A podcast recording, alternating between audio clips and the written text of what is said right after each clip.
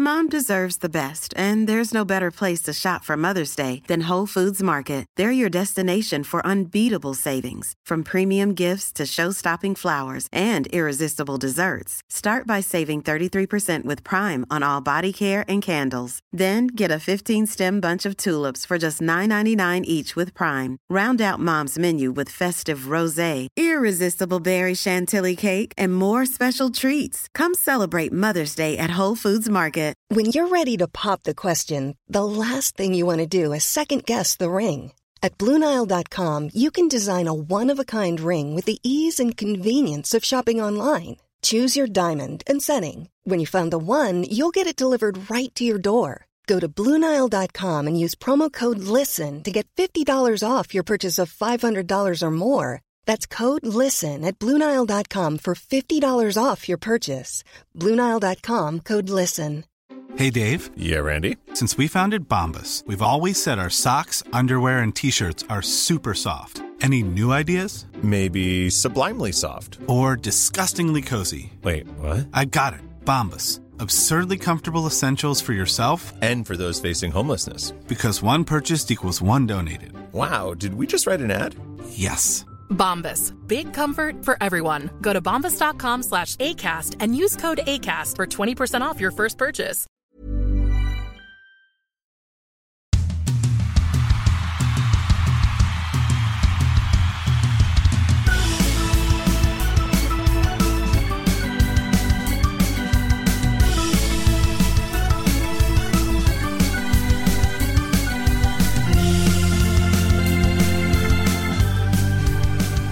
Rullar det? Ska ni sitta och räkna här? Ja. Där jag bor. Då. Ja.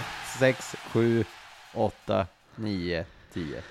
Ja, men det, är ändå, det är ändå eh, två år nu Fredrik, av poddandet. Mm. Och så har vi tio minuter där du inte får igång micken. Det är ändå anmärkningsvärt hur, Men hur, kan- hur kan- lång jag har två- podden har varit, men ändå kort ja. du har kommit Ja, med men- din teknik.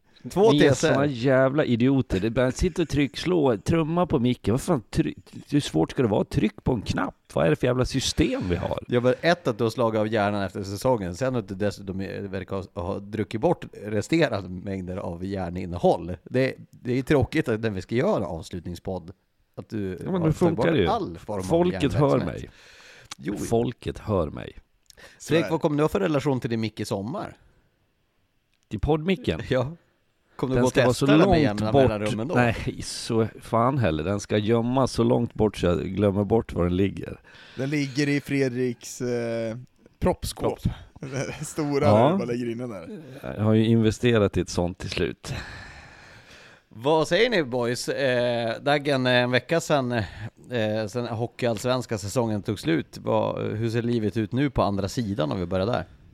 Nej men, eh, vi pratade om, jag vet inte om det var några poddar sen, vad snabbt det går och hur checka ut fullständigt här, vädret börjar komma in, man blomstrar, har varit mycket med familjen, håller på att bygga lite trädäck, checka ut lite från Twitter, allt det där, men sen så börjar det rulla igång igen, man ser nyförvärven komma in, man börjar känna det här suget igen efter hockeyn. Så en vecka fick jag lite ledigt, sen har jag börjat fått det här tillbaka, att vi, man vill ha en säsong, för att den här kapprustningen som pågår just nu i Hockeysvenskan gör ju att man vill eh, ha september igen.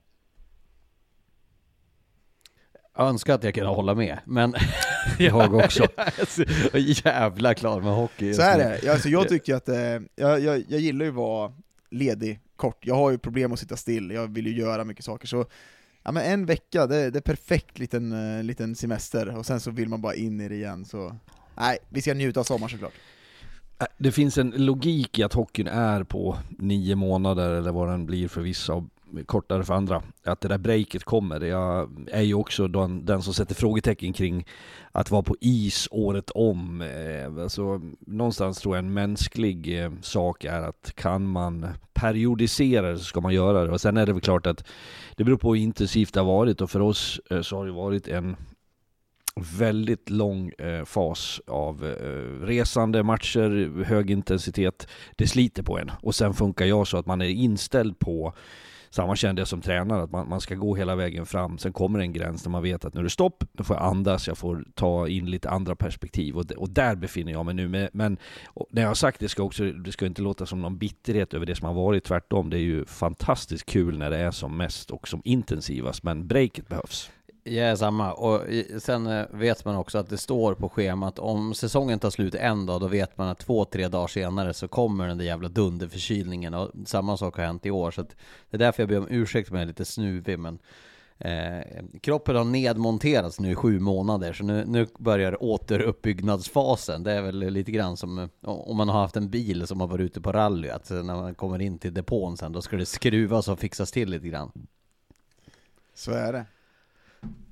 Vad tänker ni om eh, finalserien då? Vi börjar med, med Modos eh, seger den här säsongen får vi det ändå titulera det som. De går upp i SHL, vinner grundserien. Eh, vi, vi, ska, eh, jag kan bara säga lite kort innan jag kommer in på det, att vi kommer försöka gå igenom alla lag här. Vi har en liten frågelåda vi kommer att eh, gå igenom. Sen har vi alla våran topp tre som jag tänkte försöka ta från säsongen och det är väl både högt och lågt egentligen vad, vad vi har för starkast minnen från den här säsongen.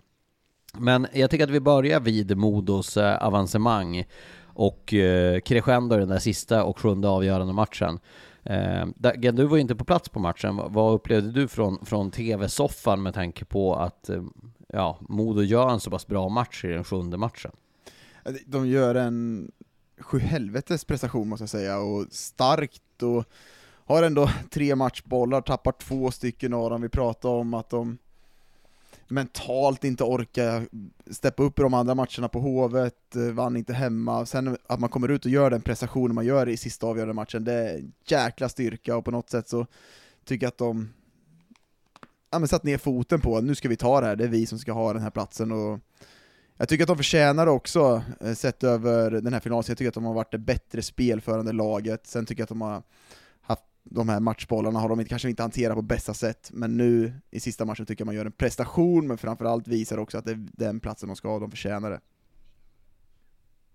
Det var väl en, eh, en eh, magnifik finalserie tycker jag. Eh, det är ju det känns å ena sidan som att det är lång tid tillbaks och sen kan jag känna som att jag stod där igår och det är ju i sanning att säga bara eh, drygt en vecka sedan. Så att det är nära inpå. Jag tror inte att jag har smält alla intryck av det. Det vi fick se och fick vara med om var ju två lag som jag tycker verkligen bjöd till. Jag tycker att den där finalserien hade så många olika aspekter i form av ja, men kvalitet rent spelmässigt, individer som, som bidrog med väldigt mycket, matcher som tog eh, förändringar och andra vägar än vad, vad någon hade förväntat sig, vilket gjorde, tror jag, att det blev väldigt underhållande. Eh, sen är det ju klassiskt såklart att när man har skapat ett läge att slå in matchbollen, det har ju vi suttit och pratat om också, att man inte lyckas med det tycker jag lika mycket handlar om motståndarna, det vill säga att Djurgården mobiliserar kraft och eh, med de här små marginalerna som för övrigt är ett begrepp som numera sägs, som alla säger med, med citationstecken eller pratar om det som en klyscha när det är i egentligen handlar om att det är den absoluta sanningen. Att de två bra lag möts så är skillnaden så pass små och då, då är det ett avgörande i overtime eller det är en forcering i tredje perioden eller någonting som gör att, att det blir så jämnt och tajt. Så att jag tycker att, eh, det, att det togs till en sjunde och avgörande match kändes på förhand lite jag vet att vi pratade om det Lars på, på vägen till Övik där med sällskapet som jobbade då att det fanns något olustigt också över en sjunde avgörande om det hade dragits fram till ett, ett sent avgörande eller en overtime. Nu blev det, vilket naturligtvis är en besvikelse för Djurgården, men, men för oss runt omkring så det var så solitt, det var så väl eh, genomfört från Modos sida så att det, det stod klart efter tio minuter av matchen så, så fick man direkt känslan att det här är Modos kväll och de lyckades med det. Och att man knyter ihop det som det blev där och då, får vinna på hemmaplan. Det tycker jag var en väldigt fin prestation och med det sagt så är det bara att gratulera Modo till SHL-spel kommande säsong. Sen som man har gjort det under säsongen också, man träffar ju rätt på nästan alla här i, i slutspelet, ska man säga. Södergran tycker jag steppar upp och var enorm, de tar in Vela, Brickli kanske inte var riktigt den, den spelaren som han var, såg ut som var väldigt skadad, men plocka in i rätt läge, plocka inte in när deadlinen är under säsongen, man får effekt av det, att man har, vi pratade om den här rollacceptansen, den satsar längre fram. Många spelare som liksom har sin högsta nivå in i slutspelet som gör att man kan lyftas upp där och jag tycker Gudlevskis är bra genomgående. Sen för Djurgårdens del tycker jag att skadan på Kryger synes väldigt väl i, i, även fast han gör bra matcher så är det såklart att det är ett tapp för dem. Limbom så i målet, visst Myrenberg var bra, men Limbom är en högre nivå självklart, så det, den säsongen Modo gör är ju 5 plus får jag säga. Och ja, jag vet Lars, du håller upp fingret nu, jag var inne på innan säsongen att de inte hade det rätta Det no virket. det är några som har skrivit det på Twitter och på Instagram, bara några. Jag ska bara förklara lite vad min tes var då. Förra året när vi mötte Modo, så var det ganska bekvämt. Det var inte fysiskt jobbigt. Ja, min tes var, räcker det bara med den här skickligheten? Och det tror jag inte det skulle ha gjort, men de gör ju rätt under säsongen, de tar in Vela, de tar in Brickley, visst Halloran, jäkla skicklig spelare, men de tar in tyngd, jag tycker Södergran är en spelare som visar i slutspelet, kanske inte fick ut det under serien, de träffar rätt på sådana saker som gör att de har det spelet. Så, Så, Ja. du, så du hävdar fortfarande att du hade rätt? ja, jag fick rätt till slut. Du, om du fick rätt av det här Daggen, alltså då måste du förklara för Nej, mig hur i vadå? helvete du De fick plockar rätt. alltså in den tyngden de spelar. De pratar själva om att de måste få in den tyngden, slutspelskaraktär i truppen. De tar in Vela, tycker han är jättebra. Jag tycker att till exempel en, en sån som vi pratade Södergrans tyngd i slutspelet, få in det. Jättemånga, jag tycker Dickinson, man trodde han inte skulle kunna ta Vignås nivå, han är grym runt sargerna, precis en sån spelare man behöver i slutspelet. Så ja, de tog in rätt spelare för att kunna få den tyngden som gör att de avgör. Sen är det ett skickligt jäkla lag. För jag, jag vet både Gradin och Karlin sa ju att nej men vi har ju tagit till oss av kritiken som Daggen har haft i den där podden, vi har försökt att åtgärda och vi får se om vi lyckas hela vägen. Tack! Ja, det har man hört mängder, mängder av gånger, exakt de orden framförallt. Nu vill jag ju bara, nu vill jag bara jag vet inte om ni kanske inte har hållit med mig under säsongen att det här kanske var rätt. Jag vet, Fredrik, du, du kanske tycker att det var helt fel av mig, men jag tycker att de, de var de har gjort en sju helvetes säsong och de förtjänar den här Jag vill bara säga stort grattis till Modo innan vi går vidare. Låt mig ge min analys på det. När vi har haft den där diskussionen så har jag också haft uppfattningen, så det, det är inte något konstigt i det. Sen har jag inte drivit tesen, eh, men min uppfattning har varit, eller frågetecknet som jag hade var möjligen när skicklighet ställs mot det som ofta sker i ett slutspel, att man tar det till en nivå till, att det blir eh, kanske det fysiska tar överhanden, det, det handlar om hur du ska stå upp, stå emot, balansera ditt spel när det blir väldigt mycket känslor. Det vi såg kanske i Björklöven-Djurgården-serien så, så hade jag också funderingar kring det, men jag, jag tycker att det som, det som har imponerat på mig för Modos del i slutspelet är att de har, de har överträffat det fysiska med skicklighet ändå. Man har klarat av att stå emot. Sen har inte de dri- skulle, skulle Modo varit tvungna att spela det spelet fullt ut för att ha en chans, då tycker inte jag heller att man har haft det, den typen av lag. Men det var ju aldrig deras val eh, och i slutändan så lyckades ju de eh, på ett magnifikt sätt att göra det så att jag, jag tycker liksom det går inte att säga att det är rätt eller fel i den frågan det är bara att det är vansinnigt kul att retas med dig Dagen och det hoppas jag att du har märkt under säsongen. Ja, och det var ju som sagt mina första podd.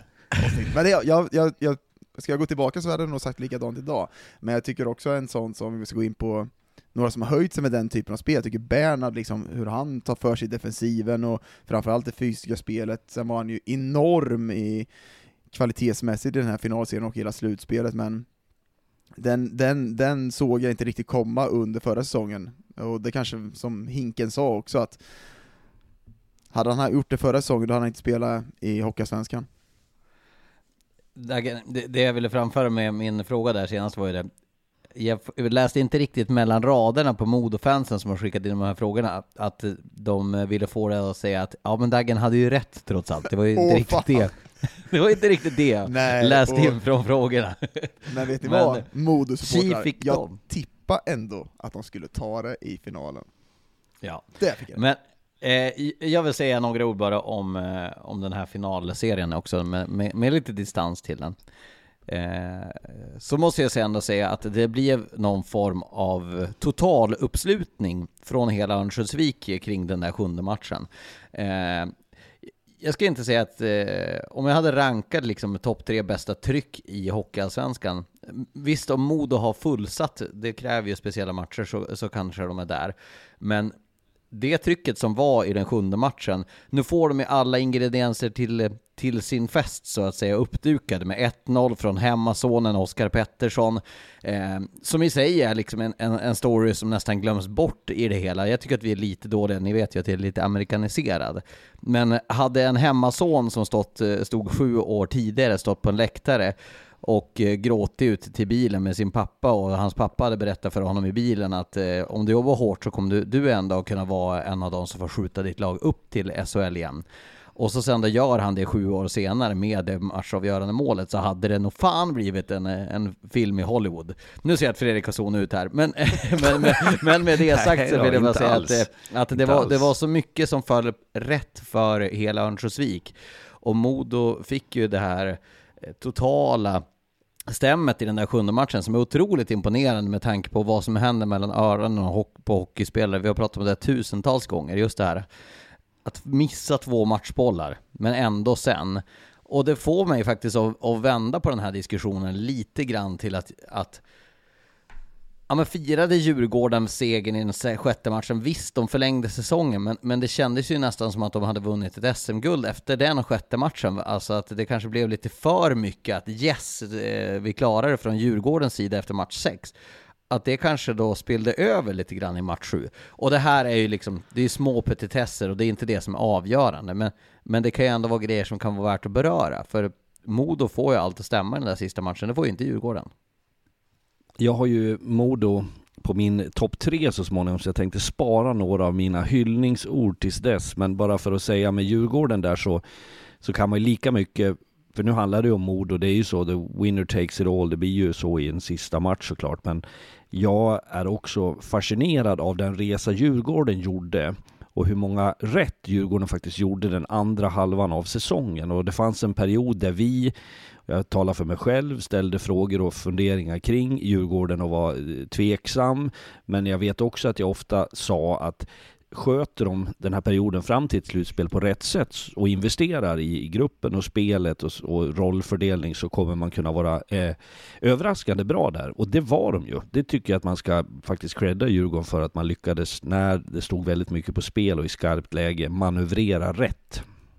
Ja, verkligen. Och vi pratar om att de har sminkat över lite sin backsida på ett sätt, jag tycker att de förenklar spelen när Garpenlöv kommer in. Jag tycker att det är ett modigt beslut av Stoppel att ta bort Fagervall också under den perioden när de ligger, Man låg de tvåa, trea där i serien, att ta det beslutet för att spela inte funkar och liksom ändra om hela... Sen tycker jag att de här spelarna som Brodin, Kryger, eh, Norman, de höjde sig i slutspelet och verkligen gjorde något riktigt bra där, så jag förstår att man inte är nöjd med säsongen, men så som man vände säsongen mot vad det var under serien så ska man ändå se till något positivt, att man har något med sig. Sen så bara kort om Modo, jag tycker att det som avgör för Modo, det är bredden. Jag tycker att Hinken gjorde ett fantastiskt jobb under serien och plocka in de här spelarna som vi ställer oss lite frågande till om det skulle funka i gruppen. Men det är just bredden som avgör, jag tycker att det är fyra kedjor som pumpar på i det här finalspelet som, är, som gör att de tar det också. Med det sagt så hoppar vi vidare till eh, att kolla till då alla de här lagen i Hockeyallsvenskan. Vad, vad har hänt den här gångna säsongen som vi minns? Vad, vad har vi för någonting som vi tar med oss? Vad finns det för tendenser till framtiden? Och vi kan väl börja med AIK som har laddat på här senaste dagarna. De har tagit in Kontos som var i Kristianstad i fjol. Man har adderat Jerry Fitzgerald som blev bästa powerplay-målskytten i Björklövens historia sedan Jon Palme Björks tider. Och det känns ju spännande med de här externa pengarna som kommit in till Niklas Pajen Persson som är ny sportchef.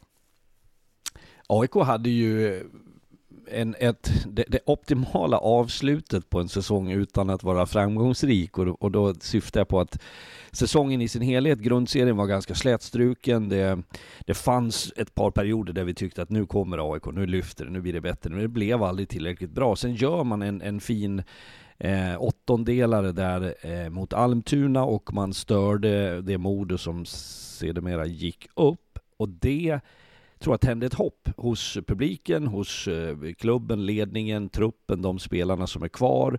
Det var ett statement någonstans att det är ju för fan det här vi ska stå för. Vi ska, vi ska spela fysiskt, vi ska vara rejäla, vi ska ha lite attityd och karaktär, vi ska vara 080 i, i vår framtoning. Och det där tror jag har gett AIK en möjlighet att rekrytera på ett, på ett nytt sätt. Niklas Persson kommer in som sportchef, eh, det är en driven, ambitiös person som kommer att finnas eh, liksom bakom Anton Blomqvist och tillsammans driva det här framåt på ett sätt som jag tror, är det, jag tycker att det känns, för AIK har potential, det är en gammal storklubb och de här man plockar åt sig spelare som har bekräftat vad det är bra, så att det, det är goda vibbar kring AIK, så kan jag känna. Ja men just säsongen, jag, jag tycker det här, under grundserien tycker jag att det är otroligt slätstruket AIK som jag jag tycker AIK ska stå för den här fysiken som de visar upp i slutspelet, de visar framförallt att de inte tog något skit, jag tycker under säsongen otroligt liksom lägga sig ner platt, likgiltiga till mycket, men i slutspelet så hittar de någonting. Jag tycker också att, att Blomqvist hittar någonting i gruppen och tar fram saker som liksom gjorde att de blev bättre. Sen så har jag, jag har varit med om att AIK har haft tagit in pengar. Nu är det ju inte, det ryktades ju om 40 miljoner, men det är väl utspritt på några säsonger de ska ha, så det är ju inte 40 miljoner in i en säsong, det är ju några miljoner varje säsong som höjs, som gör att man kan rekrytera spelare på ett annat sätt. Jag tycker att Niklas Persson är intressant att se vad han kan göra med det här AIK, men jag jag har hört förut när man har laddat på så här förut, det gäller att få ihop det på ett annat sätt, nu tycker jag man hittar någonting som man ska stå för i början av den här säsongen, och det vill jag se AIK göra nu också, för det ska vara ett kaxigt AIK. Det här som jag såg under grundserien, det, det är inte tillräckligt bra. Jag tycker att, bara för att summera också, lite kort vad det som var förra säsongen. Jag tycker att Stockholmsderbyna och, eh, och serien mot eh, mot Modo är ju det som man kommer ihåg och framförallt trycket i den där, jag tror att det är, är det tredje eller fjärde kvarten när de får sånt svung där i andra perioden. Då är det ju sånt löjligt tryck på Hovet trots att det inte är fullsatt. Eh, det är väl de som har etsat sig fast för mig. Annars tycker jag inte det är jättemycket som är i positiv bemärkelse förutom det för AIK. Det är små tendenser kanske, men annars tror jag att man är inne på någon form av eh, förändring som måste ske. Det, det, måste de ju göra. Sen, jag, jag gillar, både Fitzgerald tycker jag är en grym hockeyspelare, sen att de tar in Kontos i Kristianstad, om man kan komma upp till den nivån han var där, och kan utvecklas ännu mer i, i AIK, så är det två klass nyförvärv för Björklöven. AIK i alla fall. Nej, ehm, men men och jag, jag, tror så här att pengarna, eh, jag, jag, har inte, jag har ingen uppfattning om i, i kronor och ören exakt vad det handlar om, förutom att det blir en förstärkning såklart. Eh, det, det som är lite magin ligger ju inte i 5 miljoner ger de här resultaten, utan det är ju, du, du, du, du kan gå en nivå till och du skulle kunna spetsa med några ledande spelare. Så det är fortfarande inte de pengarna att man köper ett komplett färdigt lag som vi ska ha orimliga förväntningar på. Men i en konkurrenssituation som AIK numera också har med både Djurgården och Södertälje, om vi pratar verkligen 08, så, så, måste du kunna attrahera med någonting mer förutom pengar och där tycker jag att eh, uthållighet i form av tränare, Anton Blomqvist har varit där en tid nu, Niklas Persson kommer in, att du, jag tror att många hockeyspelare idag det är klart att lönen har betydelse, men det handlar också om vad jag är i för miljö. Vad, vad, kan det finnas möjligheter till framgång? Hur kan vi tävla? Hur kan vi ha våran vardag? Eh, och det är ju det som man kan bygga upp med, med hjälp av lite mer pengar såklart. Jag tycker att det blir intressant om man väljer att förlänga med Christian Sandberg, eller om man ska dra, gå vidare där, det är en ledare som har varit där länge, som inte kanske prestationsmässigt kom upp i den nivån som man ska vara för att leda det här laget. Tycker i slutspelet vart han bättre och fick den rollen, men det är också en viktig pjäs för den här gruppen att kunna vara där, men han börjar bli till åren. Vi pratar De saknar en assisterande tränare nu när Martin Dendis eh, tackar för sig. De kanske ska försöka få in han i någon form av ledarroll i den där klubben istället. Skulle vara intressant att se han vara där om han vill vara kvar i AIK, men jag tror att det krävs några tuffa beslut även i AIK för att kunna gå vidare också. Eh, det blir ju så att eh, centrerat kring Stockholm så är det ju faktiskt väldigt, väldigt många lag nu som ligger nära. Nu har ju Brynäs kommit in, Almtuna finns där, Södertälje, Djurgården, Västerås. Inom en dryg timme från Stockholm är det väldigt många lag i Hockeyallsvenskan nu helt plötsligt om man jämför med hur det är för SHL. Eh, och Almtuna ligger ju där och skvalpar. Robert Kimby fick pris eh, som årets tränare på, på Hockeygalan eh, här för eh, Hockeyallsvenskan. vad ser ni för framtid i Almtuna då som ändå kan bygga på den här kontinuiteten från den här säsongen när man tappar Jesper Norbäck eh, och Oskar Asplund och ganska många spelare?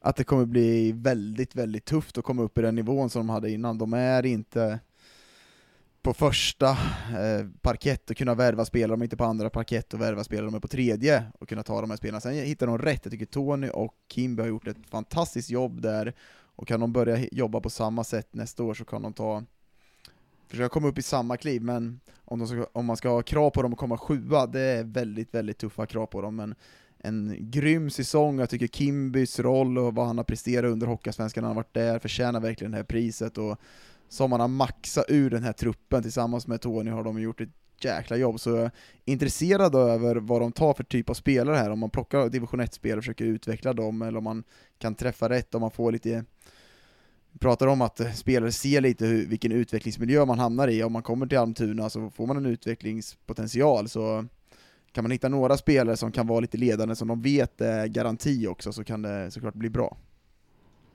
Jag tycker ju trovärdigheten kring Almtuna har blivit större och det, det är så viktigt för den typen av lag som inte har en massa pengar att handla för. Trovärdighet i den mening att de står för ett spel, ett, ett, spel som inte bara var effektivt och som man vann hockeymatcher på. Jag tycker också att det är ett spel som utvecklar spelarna. Så att miljön att vara i, i Almtuna gör att man kommer kunna studsa vidare. För att det är väl en sån syn jag har på Hockeyallsvenskan att av 14 lag så, så det är större nyanser och skillnader mellan lagen i vad du, vad du kan erbjuda för någonting. SHL är liksom, där är lagen på något sätt på samma plattform och på ungefär samma nivå. Där handlar det om att du ska vara toppresterande och du, du är välavlönad. Hockeyallsvenskan så, så kan du välja att vara någonstans, där, där, för Almtuna bakåt i tiden för mig var ju också den miljön. Sen, sen var det några år som var tuffare, där det var slätstruket i, både i prestationer, i, i spel och i, i, allt runt omkring. Så det här var ju att återupprätta lite heder för Almtuna som en del av Hockeyallsvenskan och den den ska man inte underskatta. Sen vad man kommer över för typ av spelare eh, Hockeyettan har ju som vi har sagt vid olika tillfällen många spännande spelare som i rätt roll under rätt ledarskap skulle kunna prestera väl. Sen borde det också bli någon över som är i den kategorin Eh, lite missförstådda genier i andra allsvenska lag som kan komma dit och faktiskt få en betydande roll. Så att jag, jag, jag ser inte det som att Almtuna skulle vara illa däran på något sätt, utan snarare att det känns ljusare och, och framförallt den harmonin som jag tyckte vi kände av eh, var det den eh, kvart den åttondelen, förlåt, mot, eh, mot AIK, match nummer två, som vi gjorde på plats där när vi satt med, med Mårtensson, Kimby och Anderström och gänget, Pettersson Wenzel tror jag målvaktstränare där va. Eh, så, så kändes det som att det var en harmoni och det är någonting jag har lärt mig att läsa av så är det tränarrummens eh, harmoni och det, det, var bra där. Det lät som att du var inne på Andersson, And, Andersson och Pettersson och Lundström, och, Lundström och jag. Och jag. men, eh, nej men jag, jag pratade en hel del med, med folk kring Almtuna under säsongen. Jag får ändå någon form av känsla av ett lugn att det finns någonting där. Att det, det finns folk som inte är presenterade, som är klara, där det finns liksom en framtid att bygga på. Trots att Andrén blir såklart ett jättetapp. Oskar Asplund blir svår att ersätta som går upp till SHL. Eh, och med flera, med flera. Men att det verkar finnas ett lugn inför framtiden och det, det borde ju säga jättemycket. Jag tror att de har ett lugn på grund av att de har den ledarsidan de har just nu. Och den, pratar om Kimbys roll, men också Mårtensson, de har hittat någonting i den typen av konstellation som gör att det blir bra miljö i Almtuna. Var det inte också någon eh, förmögen människa som hjälpte till med att betala av en del tuffa skulder eh, som fanns under säsongen. Det var ju väldiga rop om deras Ja, de kom läge. in och blev räddade i princip som jag har förstått det. Och de ja. har ju haft det där under lång tid, att det har, det har varit pengar, det har varit röda siffror en lång stund. Eh, liksom Vita Hästarna haft. Sen väljer de, de, de säljer väl av Golovkovs under säsongen, men inte mer än så. Var det någon mer spelare? Jag tycker ändå att det är ett statement att man liksom tror på det man gör.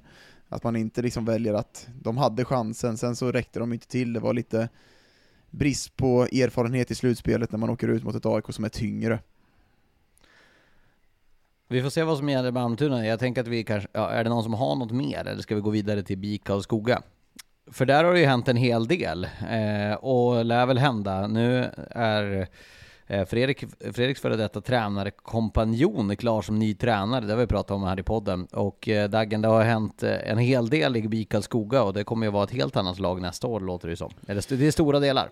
Jag, jag tror att de vill ändra sitt synsätt på hur man ser ut. Jag tror man vill vara frejdigare i spelet, man vill vara lite mer kaxigare, för det varit väldigt mycket snack om deras identitet i år och att man har tappat den typen av drag i laget eh, som funnits eh, under en längre tid i Karlskoga. Jag tycker att det har under många år har försvunnit lite den typen, man kan inte bara sitta i utvisningsbåset, men jag tror att man vill hitta en, en fart i spelet med de här spelarna. Sen gillar jag att man tar de här norska spelarna, Fredrik, du har ju varit tränare för en av dem, har haft en i juniorledning, får vi se om de träffar rätt där. Jag gillar att man tar in Filip Svenningsson idag, presenterar man det, en intressant spelare som jag tycker är en sån här typisk Karlskoga-spelare som inte kanske riktigt har fått det där lilla, lilla skjutset i Hockeysvenskan som kan få den här utvecklingen. Sen får vi ju se då om, vi, om Karlskoga träffar rätt på din gamla tränarkollega, om man kan få det här draget som man ändå tycker när man läser lite om vad man vill ha, så är det ju den typen av hockey som Karlskoga-publiken vill ha. Det står han för, och jag tror för, för Karlskoga så måste de få in det för att kunna få tillbaka publiken, för det har varit väldigt negativt runt om klubben. Jag ber om ursäkt, vi kommer att hoppa tillbaka till Karlskoga och Fredrik, du kommer att få svara på det om vad du tror Halle kommer komma in med. Men vi glömde ju faktiskt en sak i AIK, eh, som jag tycker är värd att belysa. Eh, för det första så är Brandon Trock just presenterad, han presenteras nu. Eh, eh, Eh, som eh, nyspelare. Det var inte det jag tänkte säga. Men det är också klart att Alexander Deilert avslutar sin karriär och han är faktiskt den back som har gjort flest, eh, flest assist i, i Hockeyallsvenskan. Jag tycker att han förtjänade någon form av hyllningskör. Vad säger vi om det, att Alexander Deilert avslutar sin karriär? Det är ju ändå en spelare som har, har haft stor framgång i den här ligan över lång tid. Det sorgliga är väl att han avslutade den redan förra säsongen. Ja. Om man säger det efter den, det var väl den situationen i Jönköping va? Ja, jag kan dra Eh, den när ni har pratat klart om det här. Ja, eh, så att eh, sen- sen, var det hans, han vart, blev officiell med det nu så att säga. Nej men det, det var ju, det är ju en spelare som har varit sån här attraktiv för alla. Jag tror jag sa till dig Dagen att jag, jag vet att vi försökte värva honom till Oskarshamn. Då, då när jag ringde honom så var han på golfbanan så han gick och slog samtidigt som vi pratade. Han är tydligen väldigt duktig golfare också så att det är sånt där idrotts, eh, jag ska inte kalla honom geni, men ett, eh, en väldigt hög skicklighet kan jag tänka mig även på andra saker förutom hockey. Och har varit väldigt bra i, många lag. Det känns som han har varit runt i halva hockeyallsvenskan. Ja, det är ju en kvalitetsspelare, har varit det under många år i, eller i Hockeyallsvenskan, så jäkla tråkigt att man får sluta på det sättet. Han förtjänar en bättre avslutning när han får avsluta på sina villkor, men det har varit en klassspelare och en, en det, jag träffade han lite under, jag har inte spelat med honom, men det jag hör är att han är en, en grym person också utanför som förtjänar all respekt för vad han har gjort under sin hockeykarriär. Eh, vi fick barn ungefär samtidigt, jag och Alexander, så jag, och vi har diskuterat det lite grann när jag stött på honom, just det där med Eh, hur livet blir när man får barn. Eh, Men, men det var det kort, det var ju alltså en situation mellan Max Wendlund och Alexander Deilert i en match mellan AIK och eh, HV71 i fjol som, som blev grejen som gjorde att eh, Deilert fick avsluta sin karriär. Det blev ett bråk där, eh, där eh, Deilert utan hjälm slog i skallen i isen i, i avslutningen av bråket efter det att man hade slängts till isen. Eh, jag gick ut eh, för att kolla till vart våran studioman var. Då går Alexander Deilert utanför omklädningsrummet fram och tillbaka och, och så ropar han till mig. Lars, vet du vart vårt omklädningsrum är? Då stod han utanför. Och eh, var ju riktigt, riktigt illa däran. Och sen är det ju sviterna av, av den smällen mot huvudet, förutom lite annat. Nu ska inte jag gå in på något medicinskt här, men eh, och det är tråkigt att spe, spelare måste avsluta på grund av en sån sak. Det är ju såklart ingen som vill det. Men vi lyfter på hatten till Alexander Deilert. Och sen återvänder vi till BIK Skoga, Fredrik, där det kommer in en Mm. tränare som du känner väldigt väl. Ja, det gör det. Och jag ska inte fastna på Dennis eh, som jag vet är en väldigt ambitiös, duktig tränare. Så den, det är det jag är minst orolig för. Sen är det ju alltid utmaningar med nya lag. Daggen som har en historik i den klubben eh, kan den på ett annat sätt än vad jag kan som som utomstående och som en som har mött Karlskoga genom åren och alltid uppskattat och eh, stört mig på samma gång på deras eh, svansföring och deras karaktär på isen för den har varit jobbig att hantera som motståndare. Då bjöd vi han till oss istället. ja, precis. Eh, så har jag ju sett dem från ett annat håll nu och jag eh, jag, jag har ju å andra sidan sett ett, ett mycket mer välkammat och disciplinerat Karlskoga och jag Rent generellt så tänker jag så här att man ska akta sig så att man inte går på myten om sig själv. Det gäller människor, det gäller lag. Eh, och det, det, har ju byggts upp en karaktär i, i och runt Karlskoga genom åren som har, har gjort mycket bra. Sen har ju tiderna förändrats och det mycket handlar många gånger i lag om människorna som är där. Eh, precis som tränare som sätter prägel på ett lag och en vacker dag så kommer den tränaren att lämna så måste det ändå kunna liksom, flyga vidare. Så att de här åren med Karl Helmersson får man ändå säga har varit eh, defensivt solida, man har, man har gjort ganska bra, eller väldigt bra resultat om man tittar på grundserien, man har varit med och tävlat genom, fram genom ett slutspel. Sen är ju det här som du har pratat om så många gånger Daggen, och vi ska inte, behöver inte tjata om det igen, men du har ju berättat om vad det är man strävar efter i Karlskoga, att försöka få tillbaks. Och det blir ju det intressanta att se om man klarar av att få tillbaka den där knorren på det. Eh, och vad som faktiskt är det primärt viktiga. Är det att vinna matcher eller är det på sättet du känner stolthet när du går till bilen efter matchen efter en förlust som publik?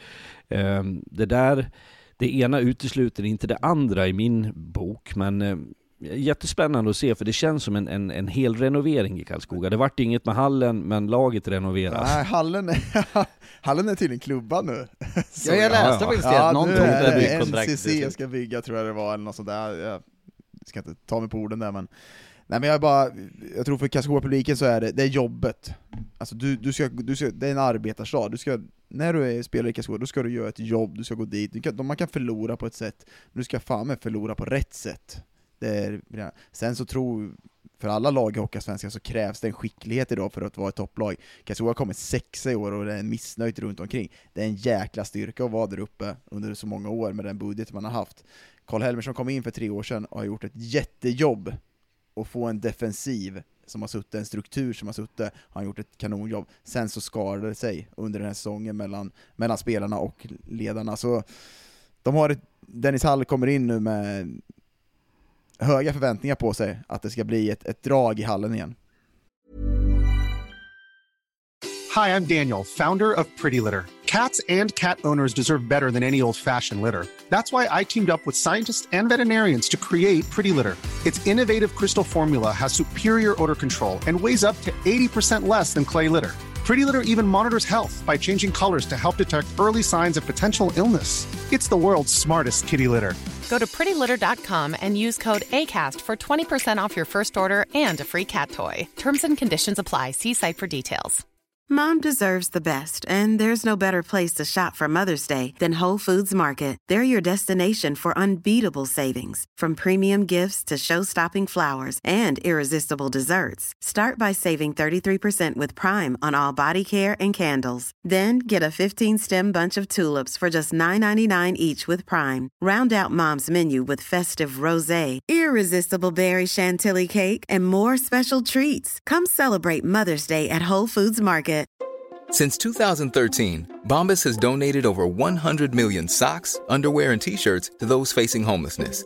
If we counted those on air, this ad would last over 1,157 days. But if we counted the time it takes to make a donation possible, it would take just a few clicks. Because every time you make a purchase, Bombas donates an item to someone who needs it. Go to bombas.com slash ACAST and use code ACAST for 20% off your first purchase. That's bombas.com slash ACAST, code ACAST. Sen kommer ju de ha en god stämning i hela Karlskoga också efter det att de har sett dig spela eh, Bikgolfen i slutet på augusti, Daggen, med en eh, extra små Liverpool-tröja efter vårat bett i, i den här säsongen. Det kommer ju roa hela Karlskoga. Käft. Ska du förklara vad det är vi har gjort? Ja men, ja, men vi har ju bettat mot varandra, men jag hävdar ju fortfarande att jag säger Mohamed Salah gör inte över 20 mål den här säsongen, han har gjort 19 nu, du säger att jag säger han ska göra 20 mål, så det är ju, Fredrik är ju avgörande, i, i slutet av den här podden ska Fredrik avgöra om det är över 20 mål eller om det är 20 mål han ska göra. Ja, eller kan det vara våra tittare får flinka in. Om någon säger så här, han gör inte 20 mål den här säsongen, du sa aldrig över, är min tes. Vi, kom, ja. vi kommer få backa bandet till bevisningen när vi tar det här i rätten. Om han gör exakt 20, för då kommer vi ha ett problem. Det, som är, det som är jobbigt med att hockeysäsongen är, är eh, klar, nu ser jag Fredrik checkar ut igen, nu spelar jag prata fotboll, men det är att jag är supporter igen. Jag är United-supporter, jag har hittat fotbollen, och det är ju misär just nu. Det har gått så bra när jag inte har följt det slaviskt, och nu sitter man där och tittar. Jag mår så fruktansvärt dåligt, jag vill bara checka ut från mitt supporterskap från United. Men jag vet, idag är det en ny dag, jag känner peppen inför nästa match, så vet jag att det kommer släckas när jag sitter och tittar. Välkomna till Fotbollspodden. Ja. Vi, vi ska gå vidare Fredrik och alla ni andra. Till ett lag som har eldat på något så inåt helvete, får jag ändå säga. Nu står det idag att eh, Maddock och Expressen skriver att Anders Lindbäck ska ha gjort klart.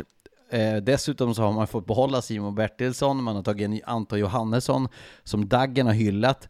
Man fick behålla Johannes Kinnvall och stortalangen Theo Lindstein. Det är ett Brynäs som jävlar vad de laddar på för nästa säsong, eh, rent ut sagt. Fredrik, eh, vad säger du om det här lagbygget med Greg, Greg Scott, Tyler Wessel, Linus Ödlund, Anton Redin, Johan Larsson, Jakob Päka, Tyler Keller, Jakob Blomqvist. Och så snackas det ju dessutom, folk i Gävle drömmer ju dessutom att Jakob Silverberg ska flytta hem redan den här sommaren och bli liksom nästa års kriger. Ja, du hör ju själv, det är ju redan klart. Ja, i princip. Brynäs har gått upp. Eh, nej, låt mig vara förståndig och reflekterande för en kort sekund innan jag kommenterar det du sa. Det är ju så att Brynäs för första gången har trillat ur den högsta serien. Eh, det här är en omställning som, som Brynäs och Gävleborna eh, och alla dess sympatisörer inte vet vad, de vet inte vad som väntar. Eh, och jag säger inte det här som att vara elak eller strö salt i såren, men av erfarenhet själv så vet jag, och det kan ju ni kära poddkollegor också bekräfta. Har vi tittat på lag genom åren som trillar ur så är det inte alldeles enkelt att studsa tillbaka. Jag tycker att det som vi såg med HV var inte eh, med sanningen överensstämmande att det är facit att alla kan göra på samma sätt. Eh, det finns absolut möjligheter för Brynäs att, att, att kunna prestera väldigt, väldigt väl. Det, det, bekräftar ju namnen du droppar. Jag bara försöker lägga till att det lever, eh, Brynäs kommer leva i en miljö som är, blir tuffare och tuffare för varje säsong. Hockeyallsvenskans nivå har höjts, vi kommer komma till lag som kommer satsa rejält. Vi har pratat om lag som har satsat rejält och det kommer vara en helt klart en omställning som är väldigt tuff att, att eh, att vara med om. Och det som jag skulle kunna ha frågetecken kring, det är eh, det faktum att man väljer hemvävt. Man, man, man fortsätter med en, en spelartrupp, stora delar av den som man har varit ifrågasättande kring i hockey, alltså i SHL. Eh, och för mig är det inte alltid säkert att en spelare som inte riktigt är optimal på SHL-nivå blir briljant på hockeyallsvensk nivå, speciellt om du blir kvar i samma miljö. Du har ofta en rollfördelning och du har en, ett sätt att bete dig på i den miljö du är hemma i som inte förändras nämnvärt bara för att du byter liga. Där kan jag ha funderingar. Jag säger inte att det är fel, men jag har mina frågetecken. Tittar jag på tränarstaben så är det genuina hockeymänniskor eh, som jag känner till och hyfsat väl eh, i både Hjälstedt, Anders Masken Karlsson och Ove Molin. Eh, de är i en prövande situation. Hjälstedt, som jag också jobbat med en gång i tiden för länge sedan, eh, är kommer från en lång tid i Schweiz där han har varit assisterande tränare. Eh, en väldigt härlig människa och kompetent hockeyperson på alla sätt. Men det här kommer vara ett av Sveriges kanske mest utsatta tränarjobb, om inte det mest utsatta nästa säsong. Och det kommer vara kravfyllt, det kommer vara tuffa omständigheter. Det blir en prövning för många att gå igenom. Så det är min känsla. Jag måste landa mer i Brynäs innan jag sätter mig här och ropar att det är klart. Eh, nu, nu vet jag att du känner det, men då får Daggen svara på det här då. Alltså, eh, Niklas Hjellstedt har varit länge i hockeyns tjänst. Men vad säger du om att gå på ett så oprövat kort på, som huvudtränare? Visst, jag vet att han varit på juniornivå och sådär. Han har varit nere i Schweiz och varit interimtränare och så vidare. Men som du säger Fredrik, det kanske är Hockeysveriges tuffaste jobb. Och det är en ganska grön huvudtränare som ska stå lugnast i båten. Han har ju med sig Molin, Anders Maski Karlsson bredvid som är ju Eh, bör, ja, men de börjar bli gråhåriga och det ser jag med all respekt liksom att det, det är fint med den eh, rutinen. Va, vad tänker du om det Dagen? Nej men att de har byggt eh, rutin runt honom, runt honom, han vet vad Brynäs är. Sen så hade inte jag velat gått på det spåret att man tar hemvärd på ledarsidan, jag hade velat sett något helt annat. Jag tycker inte det är vägen att gå. Sen så bara vill jag bara säga att den här truppen som de har gjort just nu, jäkligt, jäkligt stark, men jag tror på Fredriks spår. Det är inte en självklarhet bara för att de plockar ner den här truppen i Hockeyallsvenskan, att det blir succé. Däremot, när man tittar på den just nu, jag gillar verkligen Keller när han var i, i HV, vad han kan skapa på egen hand. Jag tycker att eh, Wessel är grym spelare, så det finns sådana sjuka kvaliteter i den här truppen just nu. Men, de kommer in i en Hockeyallsvenska som bombar på, på många, många lag, så det kommer bli tuffare. Sen så tycker jag det blir intressant att se vad man plockar in för de här resterande spelarna. De har åtta spelare som är, ska vara högt upp i laget, rollfördelning, vad man har. Ja, det kommer vara viktigt, även fast du är Brynäs så kommer man behöva hitta den typen av roller också, men det är såklart att det är en stark trupp just nu. Sen är det mycket en fråga för mig om, om uppslutningen från staden.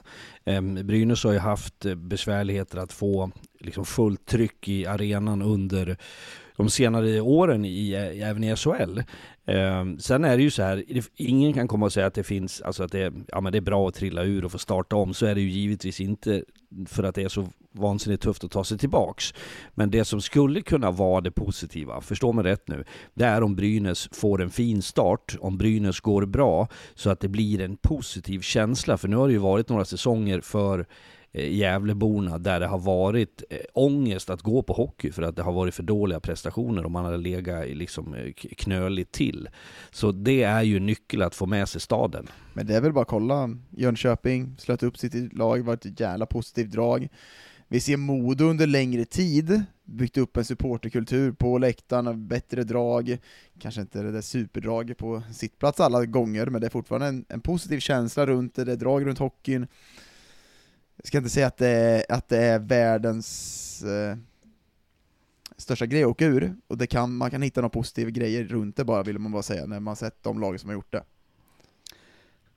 Där blev det klart att Anders Lindbäck är klara för säsongen 23-24 för övrigt. Eh, men eh, 7907 eh, platser ska fyllas i, i Gavle, gamla Gavlerinken, det som heter Monitor ERP, som jag kopplas med att det ska vara en skidomotor på en snö, snöskoter. Eh, sidospår. Ett företag i Hudiksvall va, tror jag. Är det det? Ja. ERP, nu är Motorpodden skoterkörning är kul. Eh, tillbaka till podden. Jag tycker att eh, du är inne på helt rätt eh, saker Fredrik, och, och Dagen också. Att det, det, finns jättemånga frågetecken på det här. Det är jättemånga som trycker på Hockeyallsvenskan nästa säsong. Det är ju faktiskt det enda som, trots att jag är väldigt hockeytrött nu efter väldigt många matcher den här säsongen, att den kommer att bli så sjukt häftig den här ligan nästa säsong. Men Brynäs är ju inte ensam om att ladda, långt därifrån. Och man måste ju få den där positiva starten för att få med sig Gävleborna, för 7 och 9 är det liksom 1500 där inne, då ekar det tomt. Ja, sen, nu får ni rätta mig om jag har fel, men visst är det så här nu att det är fler SM-guld ja. i Hockeyallsvenskan än i SHL. Sen vet jag att det är, vi kan gå tillbaka till IK Göta, vann SM, nu spelar de förvisso inte Hockeyallsvenskan, men det, det, det, är lång tid tillbaka. Men det, det, säger ändå lite grann, jag tycker att det är en, en, en fras som någonstans sticker ut och talar om att hockeykartan har ritats om och att det ser lite annorlunda ut.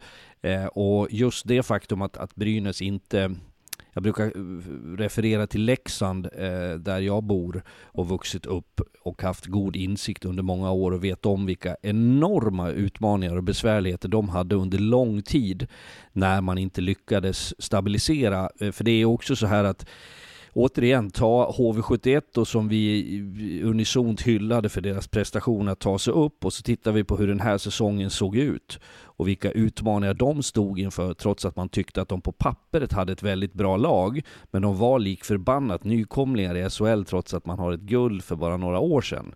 Eh, så det, det, är, det har stökat till det lite grann för, för, för lagen i svensk hockey att, att leverera på beställning pratade ju innan den här säsongen att det var den bästa hockeyallsvenskan någonsin. Ja, vad händer nästa då? Ja, så som det ser ut just nu, det laddas på här nu så...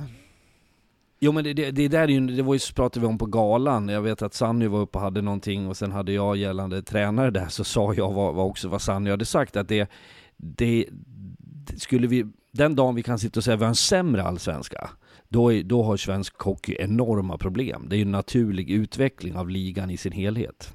Jo, självklart, men sen är det ju de spelarna man laddar på just nu, och svenskan kanske inte var att man värvade de typen av spelare innan, det är bara det, alltså namnen är större just nu tycker jag än vad det varit innan på de man värvar in. Ja men då, jag menar att det är inte något konstigt. Det får du gärna utveckla Fredrik lite grann. Nej men jag tänker att det, det, har med utvecklingen att göra. Att det, pengarna har satt sig, det, det har blivit en, en, mer business, vi har en, en, eh, en världsbild som ser ut som den gör, vilket gör att du har en åtminstone för de med vett och sans, eh, fler som inte väljer att spela eh, öster om oss, eh, längre bort österut ska jag säga, utan som faktiskt finns tillgängliga för svensk hockey till exempel. Och då blir det också någonting som sköljer över på Hockeyallsvenskan och utbudet där. Så att det, det, det, känns som en, en eh, naturlig utveckling. Sen är det ju, de flesta klubbarna har ju börjat satsa på lite annorlunda, de satsar på stora organisationer nu, det såg man inte riktigt förut. Det är mer pengar i omlopp under de här, ser ju Björklöven nu liksom, vad samlar de in? En, nästan en miljon.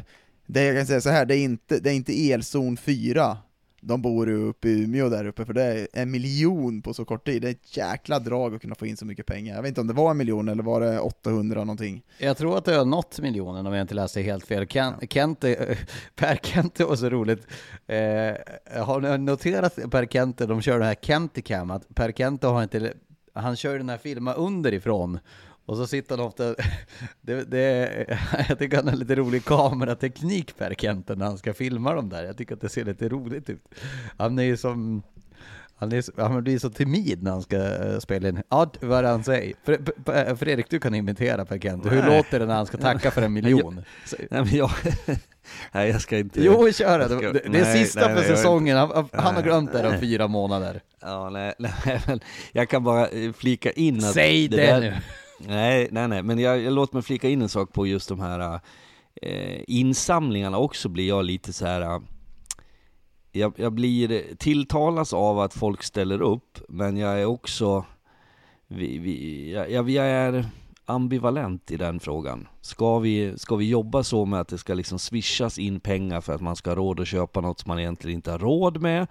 Eller ska det komma fram tack vare att man samlar företagare och på den vägen, jag, jag, jag vet inte vad, jag, tycker, vad, vi står i. Jag, jag tycker inte det ena utesluter det andra, jag tycker att har man ett sånt drag med supporterskaran och man vet att man kan få in de pengarna, ja men visst så hade man väl självklart inte velat sett att man tigger pengar på det sättet kanske, men jag tycker inte det ena utesluter det andra. De har ett jäkla drag runt det här laget och de har hittat någonting nu. De, de rider ju lite på vågen med vad som är också, för det är ju det är lapp på luckan nästan varje match, och det är klart att de har man chansen att kunna ta de pengarna tror jag alla lag skulle göra också.